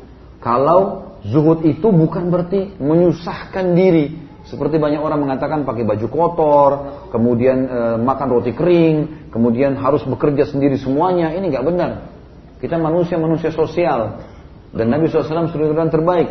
Beliau memiliki banyak orang yang membantunya. Sampai Nabi sendiri SAW memiliki orang khusus yang menaruh pelana di kudanya. Kuda untuk berperang yang taruh sendiri, namanya kirkir. Ya, salah satu orang dulu ada pegawai Nabi SAW begitu. Ada sahabat-sahabat yang khusus ya untuk membawa unta Nabi SAW dan membawa para istri Nabi SAW kalau menuju ke satu tempat, gitu kan? Maka itu dinamakan anjasya, ada satu orang. Dan banyak sekali orang-orang yang bekerja. Pembantu Nabi SAW kita tahu ada Anas bin Malik, gitu kan? Ada Abdullah bin Mas'ud dan ada yang lain-lainnya yang juga berkhidmat dengan Nabi SAW. Itu tidak masalah. Itu dibolehkan dalam syariat. Ini pelajaran. Itu yang kedua teman-teman. Yang ketiga, bagaimana seseorang itu harus berpegang teguh dan berani membela kebenaran. Masuk dalamnya seperti satu waktu kalau terlintas kesempatan dalam hidup kita, ada peperangan-peperangan yang membela agama Islam harus kita ikut. Tidak boleh kita tidak ikut. Kita lihat kisah para sahabat selalu dikatakan dia menghadiri perang ini, dia menghadiri perang itu. Untuk apa ulama nukil kepada kita itu? Untuk menjelaskan. Nabi SAW juga selama semasa hidupnya ada semua, semua hal yang dilewatin ada. Dari peperangan, dari masa tenang, dari Eh, transaksi jual beli dari apa saja gitu ya. Pertanyaan tolong dikumpul dulu, dikasih kepada teman-teman ikhwas dulu, disortir sesuai dengan tema baru dikasih ke saya. Jadi di sini ada hal itu. Perlu kita menanamkan keberanian dalam hal membela agama dan juga menjelaskan kebenaran di depan orang-orang kafir. Sebagaimana Abdullah bin Mas'ud radhiyallahu anhu membaca surah Ar-Rahman di depannya para orang-orang kafir dan mereka menggebukinya, memukulnya sampai berdarah-darah dalam kondisi fisik mereka kecil dan keyakinan dia bahwasanya mati tidak akan datang kecuali sudah saatnya ajal datang. Yang keempat teman-teman sekalian, fadilah membunuh orang kafir di medan perang. Sebagaimana tadi disebutkan tentang kelebihan atau fadilah didapatkan oleh Abdullah bin Mas'ud karena membunuh Abu Jahal. Ada hadis Nabi SAW yang berbunyi, uh, orang mukmin yang membunuh kafir di medan perang tidak akan bersatu di neraka. Tidak akan bersatu di neraka. Dan ini tanda fadilah. Ada juga hadis Nabi SAW yang mengatakan, maukah saya tunjukkan amal yang lebih baik daripada kalian masuk ke medan perang, kalian membunuh atau kalian dibunuh. Itu juga ada fadilah tersendiri. Tentu ada adabnya ya. Seperti kata Nabi SAW, kalau kalian membunuh, bunuhlah dengan cara yang baik. Jadi kita nggak ada mutilasi. Tapi perlu ada keberanian untuk membela agama Allah. Ada orang begitu mendengarkan sesuatu, yang berhubungan dengan membela agama Allah terus dia sembunyi, gitu kan? Enggak. Dia harus ada di situ, tampil di kapan dibutuhkan dia tahu itu kebenaran. Ini bentuk pembenaran terhadap janji Allah yang disebutkan kalau orang mati maka akan mati syahid dan seterusnya. Karena kita mau di medan perang atau di rumah, kalau datang ajar akan mati. Lalu kenapa tidak mati yang baik? Seperti itulah. Dan Abdullah bin Mas'ud telah membuktikan kepada kita hadir di semua peperangan Nabi SAW, termasuk di perang Yarmuk di zaman Umar bin Khattab waktu melawan Romawi. Kemudian yang kelima, fadilah menuntut ilmu. Sebagaimana Abdullah bin Mas'ud mengatakan, saya telah mendengarkan 70 surah langsung dari mulut Nabi Wasallam. Artinya begitu turun langsung saya dengar. Paling pertama dengar saya. Dan demi Allah tidak ada yang lebih mengetahui dari saya di mana turun, untuk siapa turun, gitu kan? Surah itu dan di, e, kenapa diturunkan. Gitu. Kalau saya tahu seseorang lebih tahu dari saya tentang Al-Quran, maka saya yang bisa dijangkau dengan unta, artinya transportasi, saya akan menuju ke sana untuk belajar dari dia. Ada fadilah menuntut ilmu dan ilmu memang teman-teman sekalian tidak bisa dilewatkan karena ilmu ini adalah makanan ruh sebagaimana sudah saya jelaskan tadi. Kemudian yang keenam, patuh kepada Allah akan menjadi penyebab doa mustajab. Dan setiap muslim harusnya mengkhususkan doa di waktu-waktu itu dalam hidupnya. Seperti teman-teman, saya ketemu dengan uh, salah satu dosen kami yang kami hormati, Dr. Ali di uh, di Madinah Eh, semoga Allah jaga beliau. Salah satu yang dia nasihati kepada, saya kemarin baru ketemu ya beberapa waktu yang lalu saja. Waktu ada daurah di Jawa Timur, saya sempat ketemu kemudian saya bilang, Syekh, apa wasiat antum apa nih? Ini kita juga walaupun sudah sering isi pengajian butuh nasihat. Apa nasihat antum? Jadi saya minta wasiat. Beliau mengatakan sama saya, Khalid, titipkan di setiap kesempatan kamu, setiap hari, titipkan doa. Titipkan doa. Doa itu selalu dibaca di setiap kesempatan yang berhubungan minta kesehatan badan, minta keselamatan untuk keluarga, minta kesehatan untuk anak-anak, minta diluaskan rezeki, minta segala macam. Dan jangan tunggu kamu membaca doa kalau kamu sudah kepepet. Titipkan doa. Dan kita tahu di sini Abdullah bin Mas'ud radhiyallahu anhu menitipkan doa setiap hari tadi, ya Allah aku minta kepadamu iman yang tidak pernah rusak atau turun, tidak pernah turun. Dan aku minta kepadamu nikmat yang tidak pernah terputus. Dan aku minta agar selalu menjadi pendamping Nabi Muhammad SAW di surga tertinggi yang kekal. Kata para ulama, siapa yang mengamalkan doa Abdullah bin Mas'ud, Allah min as'aluka imanan la yanfat wa na'iman uh, uh, la yartad wa na'iman la yanfat ya. Wa murafaqatan nabiyika Muhammad SAW fi jinanil khuld ya. Maka dia akan mendapatkan apa yang seperti dia minta. Artinya dia minta supaya imannya nggak pernah kendor. Abdullah bin Mas'ud tidak pernah ditemukan. Dalam satu riwayat pun mengatakan kalau iman saya sempat turun atau ada sahabat mengatakan kami pernah melihat Abdullah bin Mas'ud lalai dan seterusnya. Tidak pernah. Abdullah bin Umar radhiyallahu anhu pernah menyebutkan masalah itu. Abdullah bin Mas'ud tidak pernah menyebutkan. Misalnya Abdullah bin Umar mengatakan, saya betul-betul mengetahui kalau saya sedang melakukan dosa ya, pada saat saya diharamkan oleh Allah sholat satu bulan. Gitu kan? Jadi pernah beliau mengatakan saya pernah melakukan satu kesalahan yang saya tahu, maka saya terharamkan untuk sholat berjamaah subuh di masjid satu bulan. Gitu kan? Tapi Ibn Mas'ud tidak pernah menyebutkan itu. Tentu di sini bukan kita membandingkan dua sahabat ini, tapi bagaimana sisipan doa penting teman-teman sekalian. Begitu Abdullah Mas'ud minta agar iman tidak pernah rapuh, tidak pernah turun, Allah kabulkan. Minta nikmat tidak pernah terputus, maka juga begitu. Jadi selalu nikmat dari nikmat ke nikmat dari nikmat ke nikmat itu selalu kita minta. Ada mirip dengan ini doa sebelum salam. Allah meni as'aluka na'iman la yanfat wa qurratu ainin la tanqati'. Ya Allah aku selalu minta nikmat yang tidak pernah terputus-putus dari nikmat ke nikmat, dari nikmat ke nikmat sampai saya mati dan juga sesuatu yang menyejukkan pandangan mataku selamanya sampai aku meninggal. Ini doa teman-teman dibaca sebelum salam. Kemudian juga yang selanjutnya adalah yang ketujuh, fadilah wara' Wara artinya menjaga kesucian hubungan sama Allah. Ada orang, gak ada orang, tetap saja dia menjaga hubungannya sama Allah. Haram, haram, halal, halal. Mau dia lagi safar, tugas kantor, ke mana, di hotel sendirian, tidak pernah berbuat dosa. Dijaga sama dia. Dijaga. Dia tahu hubungannya sama Allah SWT. Ini wara. Kemudian juga selalu merasa takut kepada Allah SWT dan ini adalah hasil atau um, buah ya dari ilmu. Kalau orang punya ilmu teman-teman, dia akan terawasi, dia safar, dia ke mana-mana, dia tetap akan merasa terawasi oleh Allah SWT. Sebagaimana Abdullah bin Mas'ud selalu kalau lagi safar, lagi berjalan sama siapa pun di antara para tabiin, selalu saja menunggangi momen-momen tertentu karena punya ilmu untuk menasihatin orang lain. Kemudian yang kedelapan teman-teman sekalian adalah fadilah tawadu, merendah. Jadi jangan selalu merasa diri lebih daripada orang lain, enggak.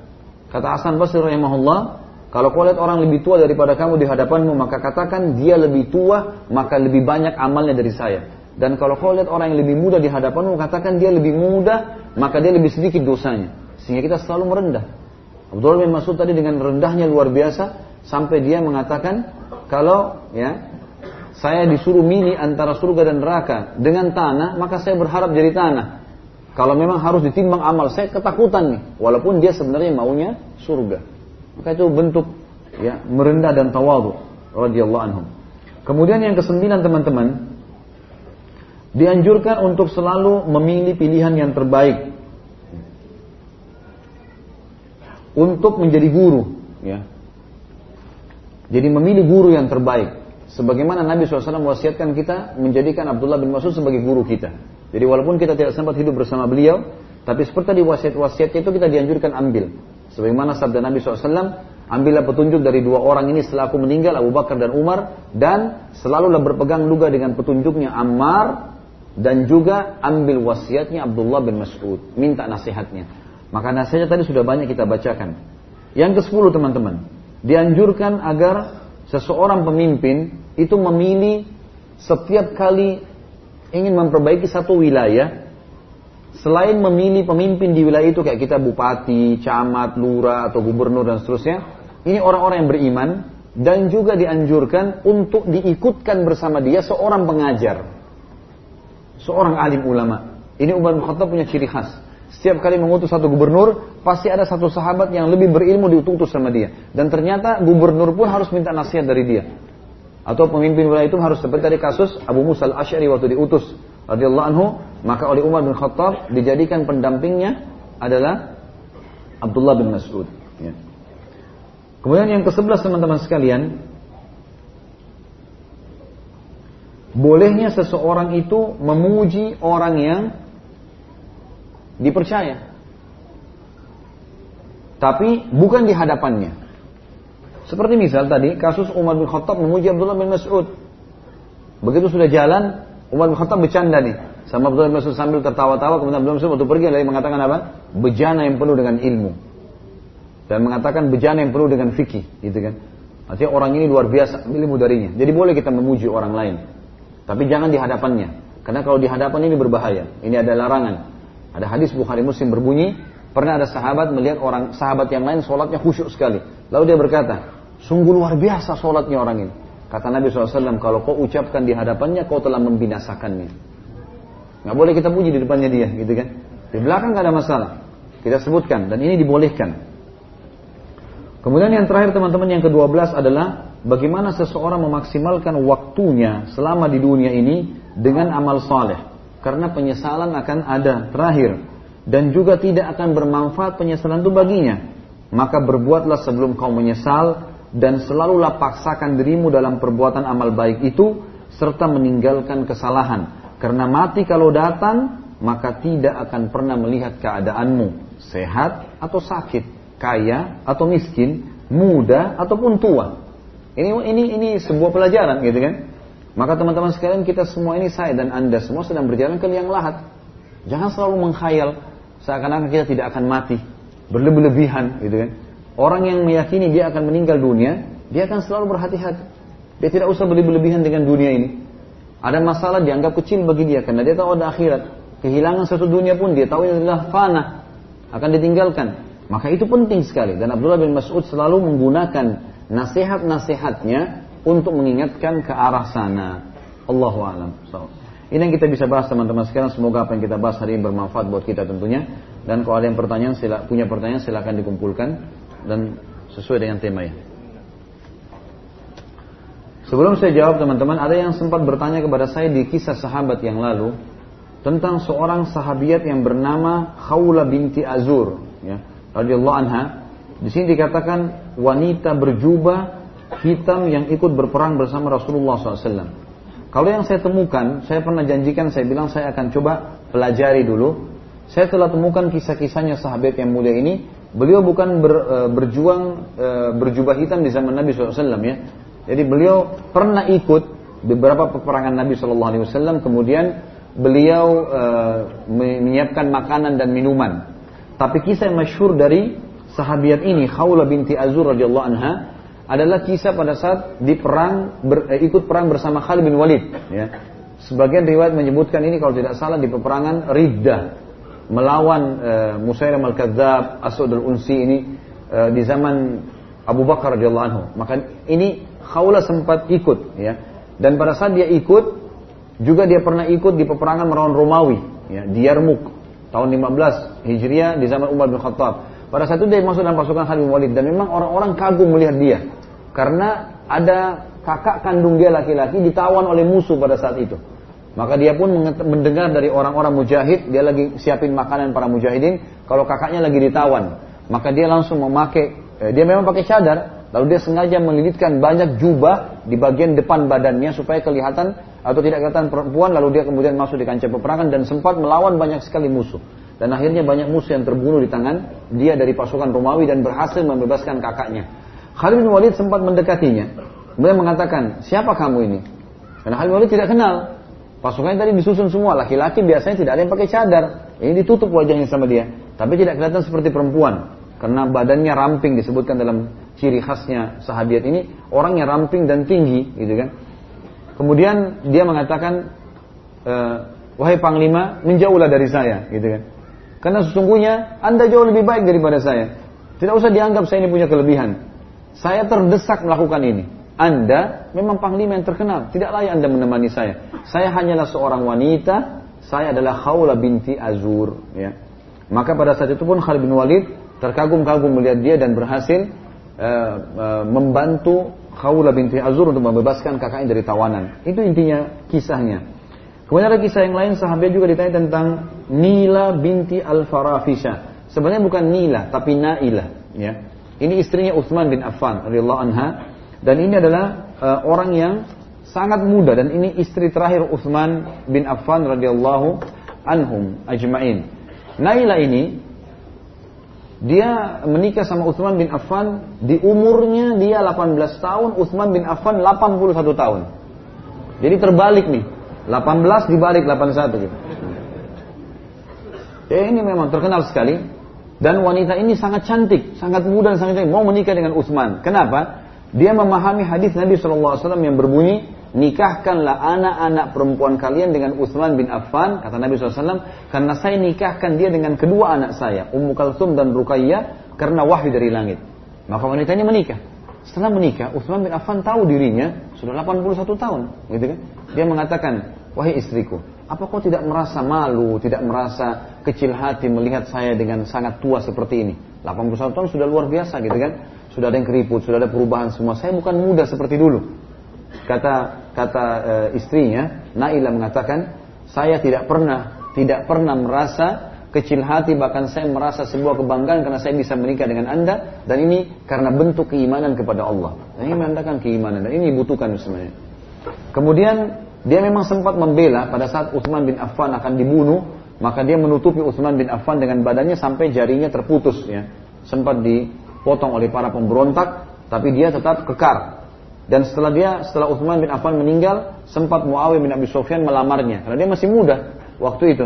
Sufyan uh, Muawiyah bin Abi Sufyan adalah sepupunya Utsman bin Affan. Tapi karena cintanya sama suaminya dia mengatakan, kalau saya tidak bisa menerima lamaran setelah Uthman bin Affan karena saya sangat mencintainya.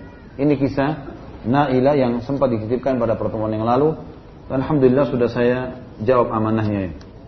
Atau saya sudah jalankan amanah yang saya sudah sampaikan gitu. Saya kan bilang saya mau jawab waktu itu ya. Saya pernah membaca, pernah terjadi perselisihan antara Abdullah bin Mas'ud dan Uthman. Apakah benar cerita itu? Apa penyebabnya? Saya tidak pernah tahu itu. Allahu a'lam. Saya tidak pernah mengetahui, tapi insya Allah mudah-mudahan saya coba cari ya. Saya coba cari karena kita semua penuntut ilmu dan bukan aib kita mengatakan kita tidak tahu. Saya coba cari insya Allah. Kalau memang ada ceritanya, saya akan sampaikan pada serial sahabat kita yang akan datang. Tapi yang kita temukan Abdullah bin Mas'ud sangat dihormati oleh para sahabat termasuk Utsman bin Affan. Karena Utsman bin Affan melanjutkan wasiatnya Umar untuk menunjuk dia sebagai penasehat gubernur di di Kufa setelah Umar bin Khattab meninggal. Tolong ceritakan saat Abdullah bin Mas'ud bersumpah atas nama Allah dengan Quran surah Luqman ayat 6 tentang perkataan yang tidak berguna yaitu menyatakan Abdullah bin Mas'ud itu adalah nyanyian. Itu tentang hukum ya. Abdullah bin Mas'ud pernah ditanya tentang tafsir ya eh, surah Luqman ayat 6 yang bunyinya a'udzubillahi minasyaitonirrajim wa minan nasi wal hadits ludillah nas an sabilillah. Ada sebagian orang yang memperjualkan perkataan-perkataan untuk menyesatkan manusia dari jalan Allah. Maka beliau mengatakan demi Allah yang dimaksud adalah musik atau Abdul Mas'ud dan kita tahu ini wasiat. Abdul Mas'ud adalah pencerahnya umat. Kita harus dengar wasiatnya dan beliau paling faham tentang Al-Qur'an. Makanya tidak bisa kalau ada yang mengatakan oh musik boleh, hukumnya begini, masih di khilafiyah. Khilafiyah dari mana? Gak ada khilafiyah. Abdullah bin Mas'ud sudah bersumpah dengan Allah demi Allah yang dimaksud adalah musik. Jelas sekali gitu kan. Kecuali memang ada hadis yang menjelaskan pengecualian kayak masalah pukulan ya, beberapa alat musik ya yang dibuat dari kulit itu di zaman uh, uh, di acara perkawinan dan uh, bagi wanita dan juga di hari raya. Gitu. Selain daripada itu tidak dibenarkan. Gitu. Dan memang teman-teman sekalian sudah pernah saya bahasakan kalau musik tidak akan pernah ketemu dengan Al-Quran. Disebutkan bahwa Abdullah bin Mas'ud adalah ulama tafsirnya sahabat karena pemahamannya yang fakih. Adakah standar seseorang bisa dikatakan seorang ulama yang mana bisa kita ikuti fatwanya mengingat penuhnya syubhat dan fitnah di zaman sekarang? Mohon pencerahannya. Tentu saja ada standarisasi ulama, gitu kan? Standarisasi ulama itu e, di antaranya yang paling pertama sekali, ya paling pertama kalau kita kembali kepada tata cara tata cara para ulama-ulama dulu dipelajari tentang biografinya. Siapa orang ini? Dia pernah belajar di mana nih? Siapa gurunya, siapa muridnya, dan bagaimana pendapat ulama di zamannya tentang dia. Itu yang saya tahu. Seperti disebutkan dalam Tahzibut Tahzib, dalam Syiar Alam Nubala, buku-buku yang mulia. Itu kalau kita temukan selalu untuk meng, me, e, mengetahui orang ini bisa dipercaya nggak, diambil hadisnya atau tidak. Maka mereka cari tahu dulu biografinya. Siapa orang ini? Siapa dia, siapa ayahnya, siapa kakeknya, benar nggak dia apa yang dia informasikan ini tentang dia pernah sekolah di mana, dia pernah belajar sama siapa, guru-gurunya, murid-muridnya, bagaimana perkataan ulama di zamannya, maka itu berarti sudah standar yang pertama, gitu kan? Tentu yang kedua teman-teman adalah dia mengamalkan ilmunya dan tidak berlaku bagi orang-orang yang cuma mendapat guru julukan biasa. Karena istilah alim itu ada dua. Bisa alim rabbani atau alim su, alim yang buruk. Sebagaimana Nabi SAW mengatakan gitu kan bahwasanya akan muncul nanti di akhir zaman di tengah-tengah umatku alim yang buruk, alim su. Dia tidak mengerti agama tapi dapat gelar alim atau ulama lalu kemudian dia menyesatkan orang dan dia juga sesat. Ya, gitu. Ini ada. Tapi yang kita ambil adalah orang-orang yang mempraktekkan ilmu itu. Dan subhanallah memang beda teman-teman. Saya coba melihat para guru-guru kami, para ulama-ulama yang coba kita jadikan sebagai rujukan kalau di antara mereka ada yang praktekin ilmunya, dipraktekin ilmu itu, dengan yang tidak praktekin ilmu beda sekali bekasnya. Dia kalau berbicara berbekas bagi kita, walaupun sebenarnya bahasan sama. Gitu kan? Saya punya seorang uh, guru yang saya hormatin di Madinah, sampai sekarang masih dan pengajar di Masjid Nabawi. Masya Allah ada beberapa orang. Saya lihat rata-rata hidup mereka itu karena dalam kehidupan sehari-hari ya saya menziarahi rumahnya, saya berinteraksi, sering telepon-teleponan. Orang di Indonesia kadang-kadang saya antar dengan kendaraan saya. Saya temukan memang orang-orang ini prakteknya luar biasa. Di antara mereka ada yang pada saat datang ke Indonesia itu membayarkan tiket semua temannya. Dia sodokah. Dia bayar tiket teman-temannya. Nginap di hotel, dia dari belakang sampai saya. Khalid bayarin semuanya. Dibayarin semua kamarnya. Dan ini dia praktekin ilmunya. Ada di antara mereka pada saat safar, ya sudah masing-masing bayar. Atau mungkin seseorang di antara kita. Enggak, dia praktekin ilmu. Maka orang-orang seperti ini contoh saja dalam sodakah, dia bukan cuma mengatakan sodakahlah, lakukanlah, tapi dia praktekin. Maka bekasnya ada. Saya temukan kalau beliau berbicara, saya merasa lebih berbekas. Dibandingkan ada lagi pernah dosen, seseorang dosen, dia kadang-kadang kalau berbicara masih ada hal-hal yang bercanda kalau menurut saya kadang-kadang berlebihan gitu kan. Dan ada hal yang pernah dia lakukan sampai membuat saya tidak kurang nyaman. Ya itu adalah aib sebenarnya. Tapi saya tidak saya tidak perlu sampaikan. Tapi saya subhanallah lihat. Dia kalau bicara tentang hukum agama saya merasa berbeda. Dan akhirnya saya tidak jadikan beliau sebagai tempat untuk bertanya gitu ya, ya setelah saya lihat bagaimana eh, perilaku-perilaku pada saat datang ke Indonesia. Jadi memang kita lihat mereka praktekin ilmu itu. Kelihatan waraknya, kelihatan zuhudnya, kelihatan um, uh, tat, uh, tatbik ya pelaksanaan terhadap agama itu. Allah alam ini ada. Tentu kalau kita bicara itu cuma bicara tentang kelas ulama umumnya ya. Dan ulama itu biasanya memang lebih banyak fokus ke bidang-bidangnya seperti ada ahli fikih, ada ahli sejarah, ada ahli akidah. Memang begitu biasanya. Kecuali orang itu betul-betul menguasai seperti kalangan sahabat, semua bidang dikuasai itu luar biasa. Ya. Itu Allah alam yang saya tahu. Apakah Abdullah bin Mas'ud memiliki keturunan? Ada. Sudah saya bilang tadi kan. Keturunannya cukup banyak ya. Tapi yang paling masyhur adalah Abdurrahman. Makanya dipanggil julukan dengan Abu Abdurrahman. Mana yang lebih utama dan lebih tinggi kapasitas keilmuannya tentang Al-Quran antara Abdullah bin Mas'ud dan Abdullah bin Abbas? Bukankah Abdullah bin Abbas didoakan Nabi SAW agar fakih dan ahli takwil Quran dan dijuluki Al-Bahar, samudra ilmu? dan terdapat tafsir Ibnu Abbas yang sangat masyhur dan tidak ada kitab tafsir Ibnu Mas'ud. Kalau kita lihat dari riwayat-riwayat, dua-duanya insya Allah punya kedudukan. Tapi kita tidak tidak mengatakan mana yang lebih utama atau mana lebih tinggi. Tapi dari pernyataan Abdullah bin Mas'ud dan tidak ada yang pungkiri masalah itu di kalangan sahabat kalau beliau mengambil 70 surah Al-Quran dan Ibnu Mas'ud lebih fokus ke masalah eh, surah-surah itu di mana turun, gitu kan? Ke siapa turun? Tadi kan disebutkan begitu ya. Kemudian apa tujuannya turun? Kalau Abdullah bin Abbas lebih ke masalah uh, uh, hukum fikihnya. Karena Nabi SAW mengatakan sambil pegang dadanya nanti kita bahas. Abdullah bin Abbas anhuma dikatakan Allah mafakihu fid din. Ya Allah berikan dia pemahaman dalam agama secara global. Berarti masuk dalam Al-Quran, masuk dalam sunnah, masuk dalam segala macam. Abdullah bin Mas'ud lebih fokus ke masalah Al-Quran. Masalah Abdullah bin Abbas punya tafsir, memang itu karena ada e, desakan dari beberapa muridnya Abdullah bin Mas'ud memang tidak ada pada saat itu bahasa-bahasa dari orang-orang di sekitarnya untuk menyusun sebuah tulisan. Dan itu memang karunia Allah diberikan kepada Abdullah bin Abbas, tapi bukan berarti ini lebih baik dari yang satunya. Mudah-mudahan semuanya memiliki kedudukan tinggi di sisi Allah Subhanahu wa taala. Mengapa Abu Bakar, Umar, Uthman, Ali kedudukannya lebih tinggi dari Abdullah bin Mas'ud? Padahal Abdullah bin Mas'ud adalah sahabat yang paling tahu Al-Quran dan sangat luas ilmunya. Apakah ini menunjukkan Abu Bakar, Umar, Uthman dan Ali jasa dan ibadahnya lebih banyak dan keikhlasan mereka lebih luas, lebih luar biasa daripada Abdullah bin Mas'ud? Mohon penjelasannya Ustaz. Baik, yang dibawa dicoret. Ini tentu karunia dari Allah ya. Yang menyampaikan kepada kita kalau Abu Bakar, Umar, Uthman, Ali, Talha, Zubair, dan seluruh 10 orang jaminan surga. Ini dan Abdullah bin Mas'ud tidak masuk dapat jaminan surga. Itu itu, itu Nabi SAW yang sebutkan.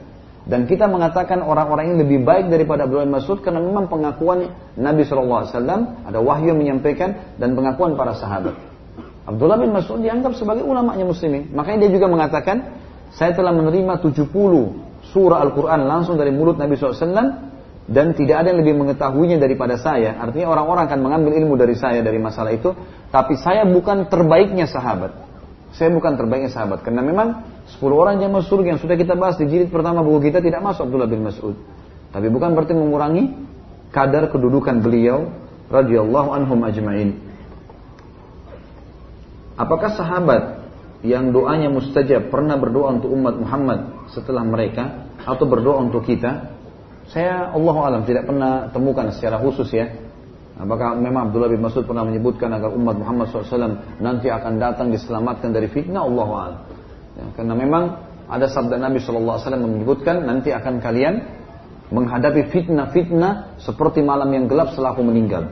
Dan para sahabat memahami masalah itu. Artinya akan ada masalah-masalah yang dihadapin.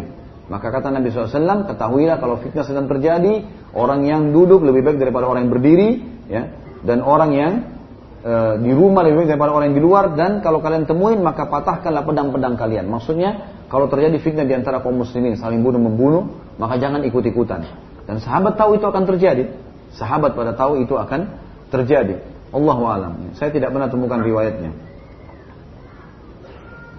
Bagaimana langkah-langkah untuk meningkatkan sifat wara, tawadu dalam kehidupan sehari-hari? Seperti Abdullah bin Mas'ud tadi sampaikan, Jadi kasusnya adalah nuntut ilmu, nuntut ilmu. Ilmu ini teman-teman luas sekali. Kata para ulama, ilmu agama ini seperti titik putih yang kecil di tembok yang hitam. Dari jauh kita seperti putih, tapi kelihatan kecil karena temboknya warna hitam semua. Ini kehidupan dunia hitam. Dia titik putih bercahaya. Tapi kalau kita masuk ke dalam titik itu, kita akan temukan dia sebuah lautan yang luas. Maka keluarlah statement mereka mengatakan ilmu agama kalau kau berikan seluruh hidupmu untuknya, dia hanya memberikan kepadamu setengahnya. Karena ilmu, tidak bisa kita tinggalkan ilmu ini. Yang kedua, amalkan ilmu. Berapa lama sudah kita atau berapa kali kita dengar tentang sholat malam, tentang sodakah, tentang sholat duha, tentang bakti orang tua. Sudah diamalin belum? Banyak orang sudah tahu hukumnya. Kalau kita bilang muslimin, mungkin di jalan. Sholat tahajud, oh iya saya juga pernah dengar. Tapi nggak diamalin. Ilmu, amalkan, kemudian bentuk komunitas. Itu insya Allah akan lebih bisa untuk warak dan zuhud. Saat kita merasa risih, waktu dipuji, disanjung seseorang di hadapan orang banyak, apakah itu termasuk tawadu atau warak? Iya, tentu saja. Kalau emang ada orang memuji kita lalu kemudian kita mengatakan sudahlah, jangan disebutkan atau kita merasa risih, itu sebuah tanda tawadu, merendah. Malah sebaliknya, sombong kalau seseorang begitu dipuji malah dia busungkan dadanya. Gitu. Malah dia tunjukkan kalau dia hebat, malah dia yang ceritakan sendiri. Nah ini hal yang bertolak belakang. Insya Allah termasuk masalah tawadu. Apa yang harus kita ucapkan saat ada orang yang memuji kita di depan kita kepada orang di depan orang banyak? Apakah kita perlu menyangkalnya? Apakah kita apa apakah jika kita menyangkalnya termasuk apa ini? Termasuk orang yang tidak mensyukuri ketetapan Allah Baik. Tentu saja boleh kita menyangkalnya. Menyangkalnya dengan cara bukan berarti mengatakan ah itu tidak benar, bukan. Kita mengatakan sudahlah itu karunia Allah. Kita alihkan pembicaraan itu yang boleh. Tapi menyangkalnya dengan mengatakan itu tidak benar itu tidak boleh juga. Karena kita tidak boleh menyangkal sesuatu yang benar. Bolehkah kita beristighfar dalam hati saat ada orang yang memuji agar tidak ada kesombongan dan kebanggaan diri? Setahu saya istighfar adalah zikir, zikir ibadah badan. Hati ikuti dengan keikhlasan, tapi lisan kita mengucapkan astagfirullah dengan lisan. Jadi, astagfirullah dengan lisan. Tentu semestinya setiap muslim memahami teman-teman ya, tidak boleh kita puji orang di hadapan orang lain, halayak banyak. Kita puji di belakang, itu yang penting. Dan tadi Umar bin Khattab sudah tunjukkan. Bisa Umar bilang kan, nih sudah datang bejana penuh dengan ilmu. Abdullah bin Mas'ud. Tapi dia tidak bilang. Bercanda sama Abdullah bin Mas'ud, begitu pergi baru dia katakan, orang ini luar biasa. Ini bejana yang penuh dengan ilmu. Ambil ilmu dari dia penuh dengan fikih yang seperti itu. Jadi lebih baik setiap muslim harus paham, jangan puji saudara yang di hadapannya. Mengenai Abdullah bin Mas'ud yang tidak ingin menambah atau mengurangi satu kata dari hadis, apakah ketika memberikan nasihat dengan hadis kita harus seperti itu? Bagaimana jika sedikit lupa? Tentu saja, ya, sebaiknya begitu ya. Abdullah bin Mas'ud sempat mengatakan atau seperti yang dikatakan oleh Rasulullah SAW. Dan ini ulama hadis sudah katakan, kalau seseorang sempat ragu dengan lafaz hadis, dia boleh mengatakan au kama nabiyyu sallallahu alaihi wasallam atau seperti yang dikatakan atau disabdakan oleh Nabi sallallahu alaihi wasallam. Jadi boleh kita mengatakan itu, ya. Tidak boleh kita menukil. Tetapi jangan sampai kita tidak yakin ini bukan kita yakin ini bukan hadis atau lebih cenderung kepada keyakinan bukan hadis, tetap kita sampaikan. Itu jangan. Karena kata Nabi SAW, "Man kadzaba alaihi muta'ammidan falyatabawa maqdu minan nar. Siapa yang berbohong tentang saya, gitu kan? Maka dia sengaja, secara sengaja, katakan Rasulullah SAW bersabda tapi Nabi tidak bersabda, maka dia pilih tempatnya di neraka. Wasiat Ibnu Mas'ud kepada anaknya adalah membaca surah Al-Waqiah setiap malam agar terhindar dari kefakiran. Apakah wasiat ini benar? Kenapa kita diperintahkan Rasulullah SAW untuk mengikuti wasiat Ibnu Mas'ud? Saya tidak pernah temukan ini. Apakah ada wasiat Ibnu Mas'ud untuk anaknya baca Al-Waqiah setiap malam? Allah alam. Di buku kita juga tidak dibahas dan selama saya kumpulin data-data tentang Ibnu Mas'ud saya belum pernah temukan wasiat ini, gitu kan? Allah alam. Dan saya temukan riwayat-riwayat yang berbicara tentang bahwasanya Al-Waqi bisa mendatangkan rezeki ya, atau menghilangkan kefakiran ini masih dilemahkan oleh para ulama hadis. Ya. Tapi Al-Waqi surah mulia dalam Al-Quran. Surah mulia dalam Al-Quran. Yang sahih tentang masalah Al-Mulk yang bisa menyelamatkan dari fitnah kubur, gitu kan? Al-Kahfi yang bisa menerangi wajah antara kita dengan Ka'bah di malam Jumat dan selamat dari fitnah Dajjal di hari Jumat. Nah, itu semua riwayat-riwayat yang sahih. Tapi tetap surah-surahnya surah mulia ya. Ini insya Allah coba saya cari tahu Siapa tahu memang riwayat ini benar karena keterbatasan ilmu, insya Allah juga ini jadi PR saya. Di pertemuan akan datang saya coba uh, bahas nanti. Kenapa kita harus mengambil wasiat Abdul Mas'ud? Itu perintah baginda Nabi SAW. Sama saja kenapa Nabi SAW, kenapa kita harus yakin 10 orang dijamin masuk surga berarti jamin masuk surga. Karena Nabi sampaikan. Dan teman-teman sekalian, apa yang Nabi SAW sampaikan, masuk akal atau tidak masuk akal, mudah dicerna atau tidak mudah dicerna, tetap saja itu harus diyakini. Allahu a'lam bissawab. Alhamdulillah, pas waktunya. Ya. Jadi supaya tidak ada yang bertanya lagi ya. Baik, kita berdoa kepada Allah SWT teman-teman sekalian. Semoga apa yang kita bahas hari ini bermanfaat buat kita semua. Dan semoga Allah mengikhlaskan niat kita. Sehingga apa pun yang kita pelajari bisa bermanfaat dan dijadikan sebagai tambahan amal di hari kiamat nanti.